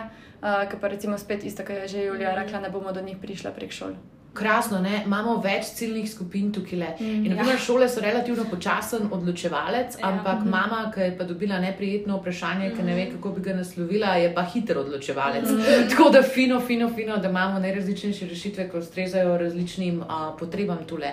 Ampak ena stvar, ki sem jo pa takoj porodila, pa je, tako vi bi mogli nujno narediti kakšen Ask Me Anything. Pač tisto, da postavijo oni vprašanja, zaradi tega, ker to bo po mojem tako čudovit ver za uh, pridobivanje tistega, kaj jih najbolj zanima na nek anonimiziran način, da se njim ni treba več osebno izpostaviti. Ja, ja, sigurno. Je pa tudi iz tega vidika vzpostavljanje nekega intimnega okolja, oziroma Ja. ne intimnega, tako varnega okolja. Vsaj anonimnega, ne? Ja, vsi ne vejo, kako ti je Ja, nekaj vprašaš. tako. Um, je pa recimo tudi, ne vem, če se bojiš pač pred sošolci, sošolkami izpostaviti ja. med delavnico, tudi vedno tako na koncu potem uh, bi se reklo, ne, da nam lahko pišejo tja pa tja, za kakršne koli vprašanja. Tudi mi smo pač vedno bi bile na voljo po samih delavnicah. Ne, Krasno. um, tako za nek Ena na ena vprašanje. ja. Ja, ali Ej, eno A ljudje to naredijo, debata. a pozabijo? Uh, zadnjič so prišle, ja. uh, oziroma niso niti prišle do nas, ker so ostale v učilnici. Niso odšle. niso odšle. Ja. Uh, tako da so. Sam je pa itak tle vprašanje tudi malo, kakšna je skupina. pa Tako, ne. Ja, um, itak, recimo, mi smo tudi rekli, da te delavnice bomo izvajali tako s številom do 15 učencev, učenk na skupino. Ne več, ker že to je kar velika skupina za neko varno ne, okolje. Um, tako da, ja, kar postavljajo. No. Mm, je nimajo, nimajo toliko sramu. Bomo pa videli, no, sej, uh, nismo se še srečali z dovolj skupinami, da bi lahko rekli zagotovo. Ma ne, mogoče bo to taka tema, veš, kaj tako imaš ta vprašanja že akumulirana Ja. in pač Ja. tako me čakaš, da boš imel platformo, Da lahko, da nekoga ja. vprašaš. Ja. Wow, ful zanimivo. Ja. Ajde, zdaj pa že čisto na koncu skoraj, um, pa se lahko pogovorimo Sanšo o vaših razvojnih planih za naprej. Se, mislim, da smo jih že zdaj vmes tako malo naštevali. Ampak ja, Da povzamemo. da povzamemo. Ja, najprej pač sodelovati s šolami, zdaj v teh naslednjih mesecih pilotno uh, izvajati delavnice. Potem postaviti čim prej spletno stran, um, ob- izoblikovati polični izdelek, kakšen bo, kaj bo noter, in uh, v skladu s tem tudi sodelovati s novimi partnerji in s temi, ki smo že. Um, potem pa vse to pripela do te točke, da bi se lahko same zaposlile, ker to je bila za nas sanska služba, da lahko me tu delamo. Po moje se bo vsaka od nas z veseljem zjutraj zbudila, oblekla, šla v službo. Um, in takoj, ko nam to uspe, kot smo že prej rekli, zaposliti prvega fanta v našo skupino, da mal prenese to moško energijo zraven. Pa da malo razbremeni to našo um, perfekcionistično. Ja, Pa naše fante. Tako da, če se kateri javi, bo mega bomo ful veseli. Bili perfekcionističnost, pa pa mogoče še prodajnik. ja, Mogoče, ja, ja. mogoče. To bi še rada. Ja. Sam uh, imamo visoke kriterije, morajo zelo dobro socialno-pedagoško predajati naprej. Ja. Ja, naše valjda, vsebine. to je zelo pomembno pri takih zadevah. Ma ne, ful dobro, pa ta vaša energija, mislim, ta vaš entuzijazem, to je res tako polnomočenje je za to mlajšo generacijo, ki, veš, včasih čutiš, kot da imaš ti precep med stvarmi, ki te zanimajo, do katerih si strasten in do teh stvari, za katerih dobiš žinara, ne, da jih delaš. In take zgodbe, kot se danes pogovarjamo, so res skrajno navdihujoče, zaradi tega, ker nisi ti treba odreči tistemu, kar imaš v življenju rad, pa tisto, kar te inspirira, zaradi tega, ker pač tako ne vem, rabiš denar za to, da preživiš, da pač tako furaš neko normalno življenje. In evo ga, zdaj bi pa prosila vsako posebej, da odgovori, da da vsaka posebej svoj nasvet. In sicer vprašanje, s katerim se poslavljamo, je, kaj svetujete mladim, ki jih zanima družbeno odgovorno podjetništvo, kako iti po vaši poti. Predvsem za začetek to, da kot smo se zdaj ravno pogovarjali, da imaš to res osebno željo to delati in imaš to iskrico v očeh, ker potem je tudi lažje, ko prideš do nekega problema, ga rešiti. Uh, ker brez tega tudi drugi ljudje nam skozi govorijo, da ja, pri vas se vidi, da vas res zanima. In po mojem, če nimaš tega, tudi ne moreš prepričati nekoga drugega v svojo idejo. Ja. Mi imamo tudi izkušnjo smotrine in zdaj, če se sam podaš na to pot, mogoče to, kar bom zdaj rekla, ne bo imel neke vrednosti, no? ampak eh, če pa imaš nekoga, s komer greš v to, eh, kar je super, ne? ker en drugega spodbujaš, ampak res. Pojdi v, to, pojdi v to z nekom, s komer se in osebnostno ujameš, in s komer imaš pod, podobno delovno etiko, um, kar me pač oboje tako v celoti no, se zelo ujamemo. in tako. Um, ampak se nam zdi, da pač smo imeli že tudi izzive na naši poti no, um, iz tega področja. Tako da, če greste s kom v to, da je res uh, dobro premisliti, da ne bo pač prehiter šlo vse na robe, ko še niti ne začneš v resnici. Zelo dobro. Ja, mogoče še zadnja stvar od mene je pa to, da um, se obdajaš z ljudmi, ki so za te in za tvojo idejo podporni. Um, ker tako, sej ok, ne, moraš se naučiti vedno tudi kritiko sprejemati, uh, pa potem iz nje nekaj narediti, ampak sej. Okoli tebe bojo vedno ljudje, ki bojo kritični, tako da jaz mislim, da tega ti ne bo zmanjkalo. Um, zna pa zelo hitro zmanjkati te uh, motivacije in hkrati tudi um, te vire v svojo idejo. Tako da jaz mislim, da ljudje, ki te podpirajo in ki pač ti pomagajo na poti, so vedno, vedno zelo dobrodošli. Zato tudi um, je dobro iskati no, uh, aktivno take ljudi. Um, hkrati pa tudi recimo, se vključevati na vem, razno razne izobraževanja, tekmovanja, uh, tudi tako kot je recimo Social Impact Award. Um, zato, ker dejansko nimaš kaj izgubiti. Um, pač ni, ni, tudi če recimo ne prideš do ne vem, naslova zmagovalca, še vedno v tem procesu nastajanja dobiš toliko enih usmeritev strani mentorjev in strani mogoče celo tudi drugih udeležencev, da nisi nič izgubil. No.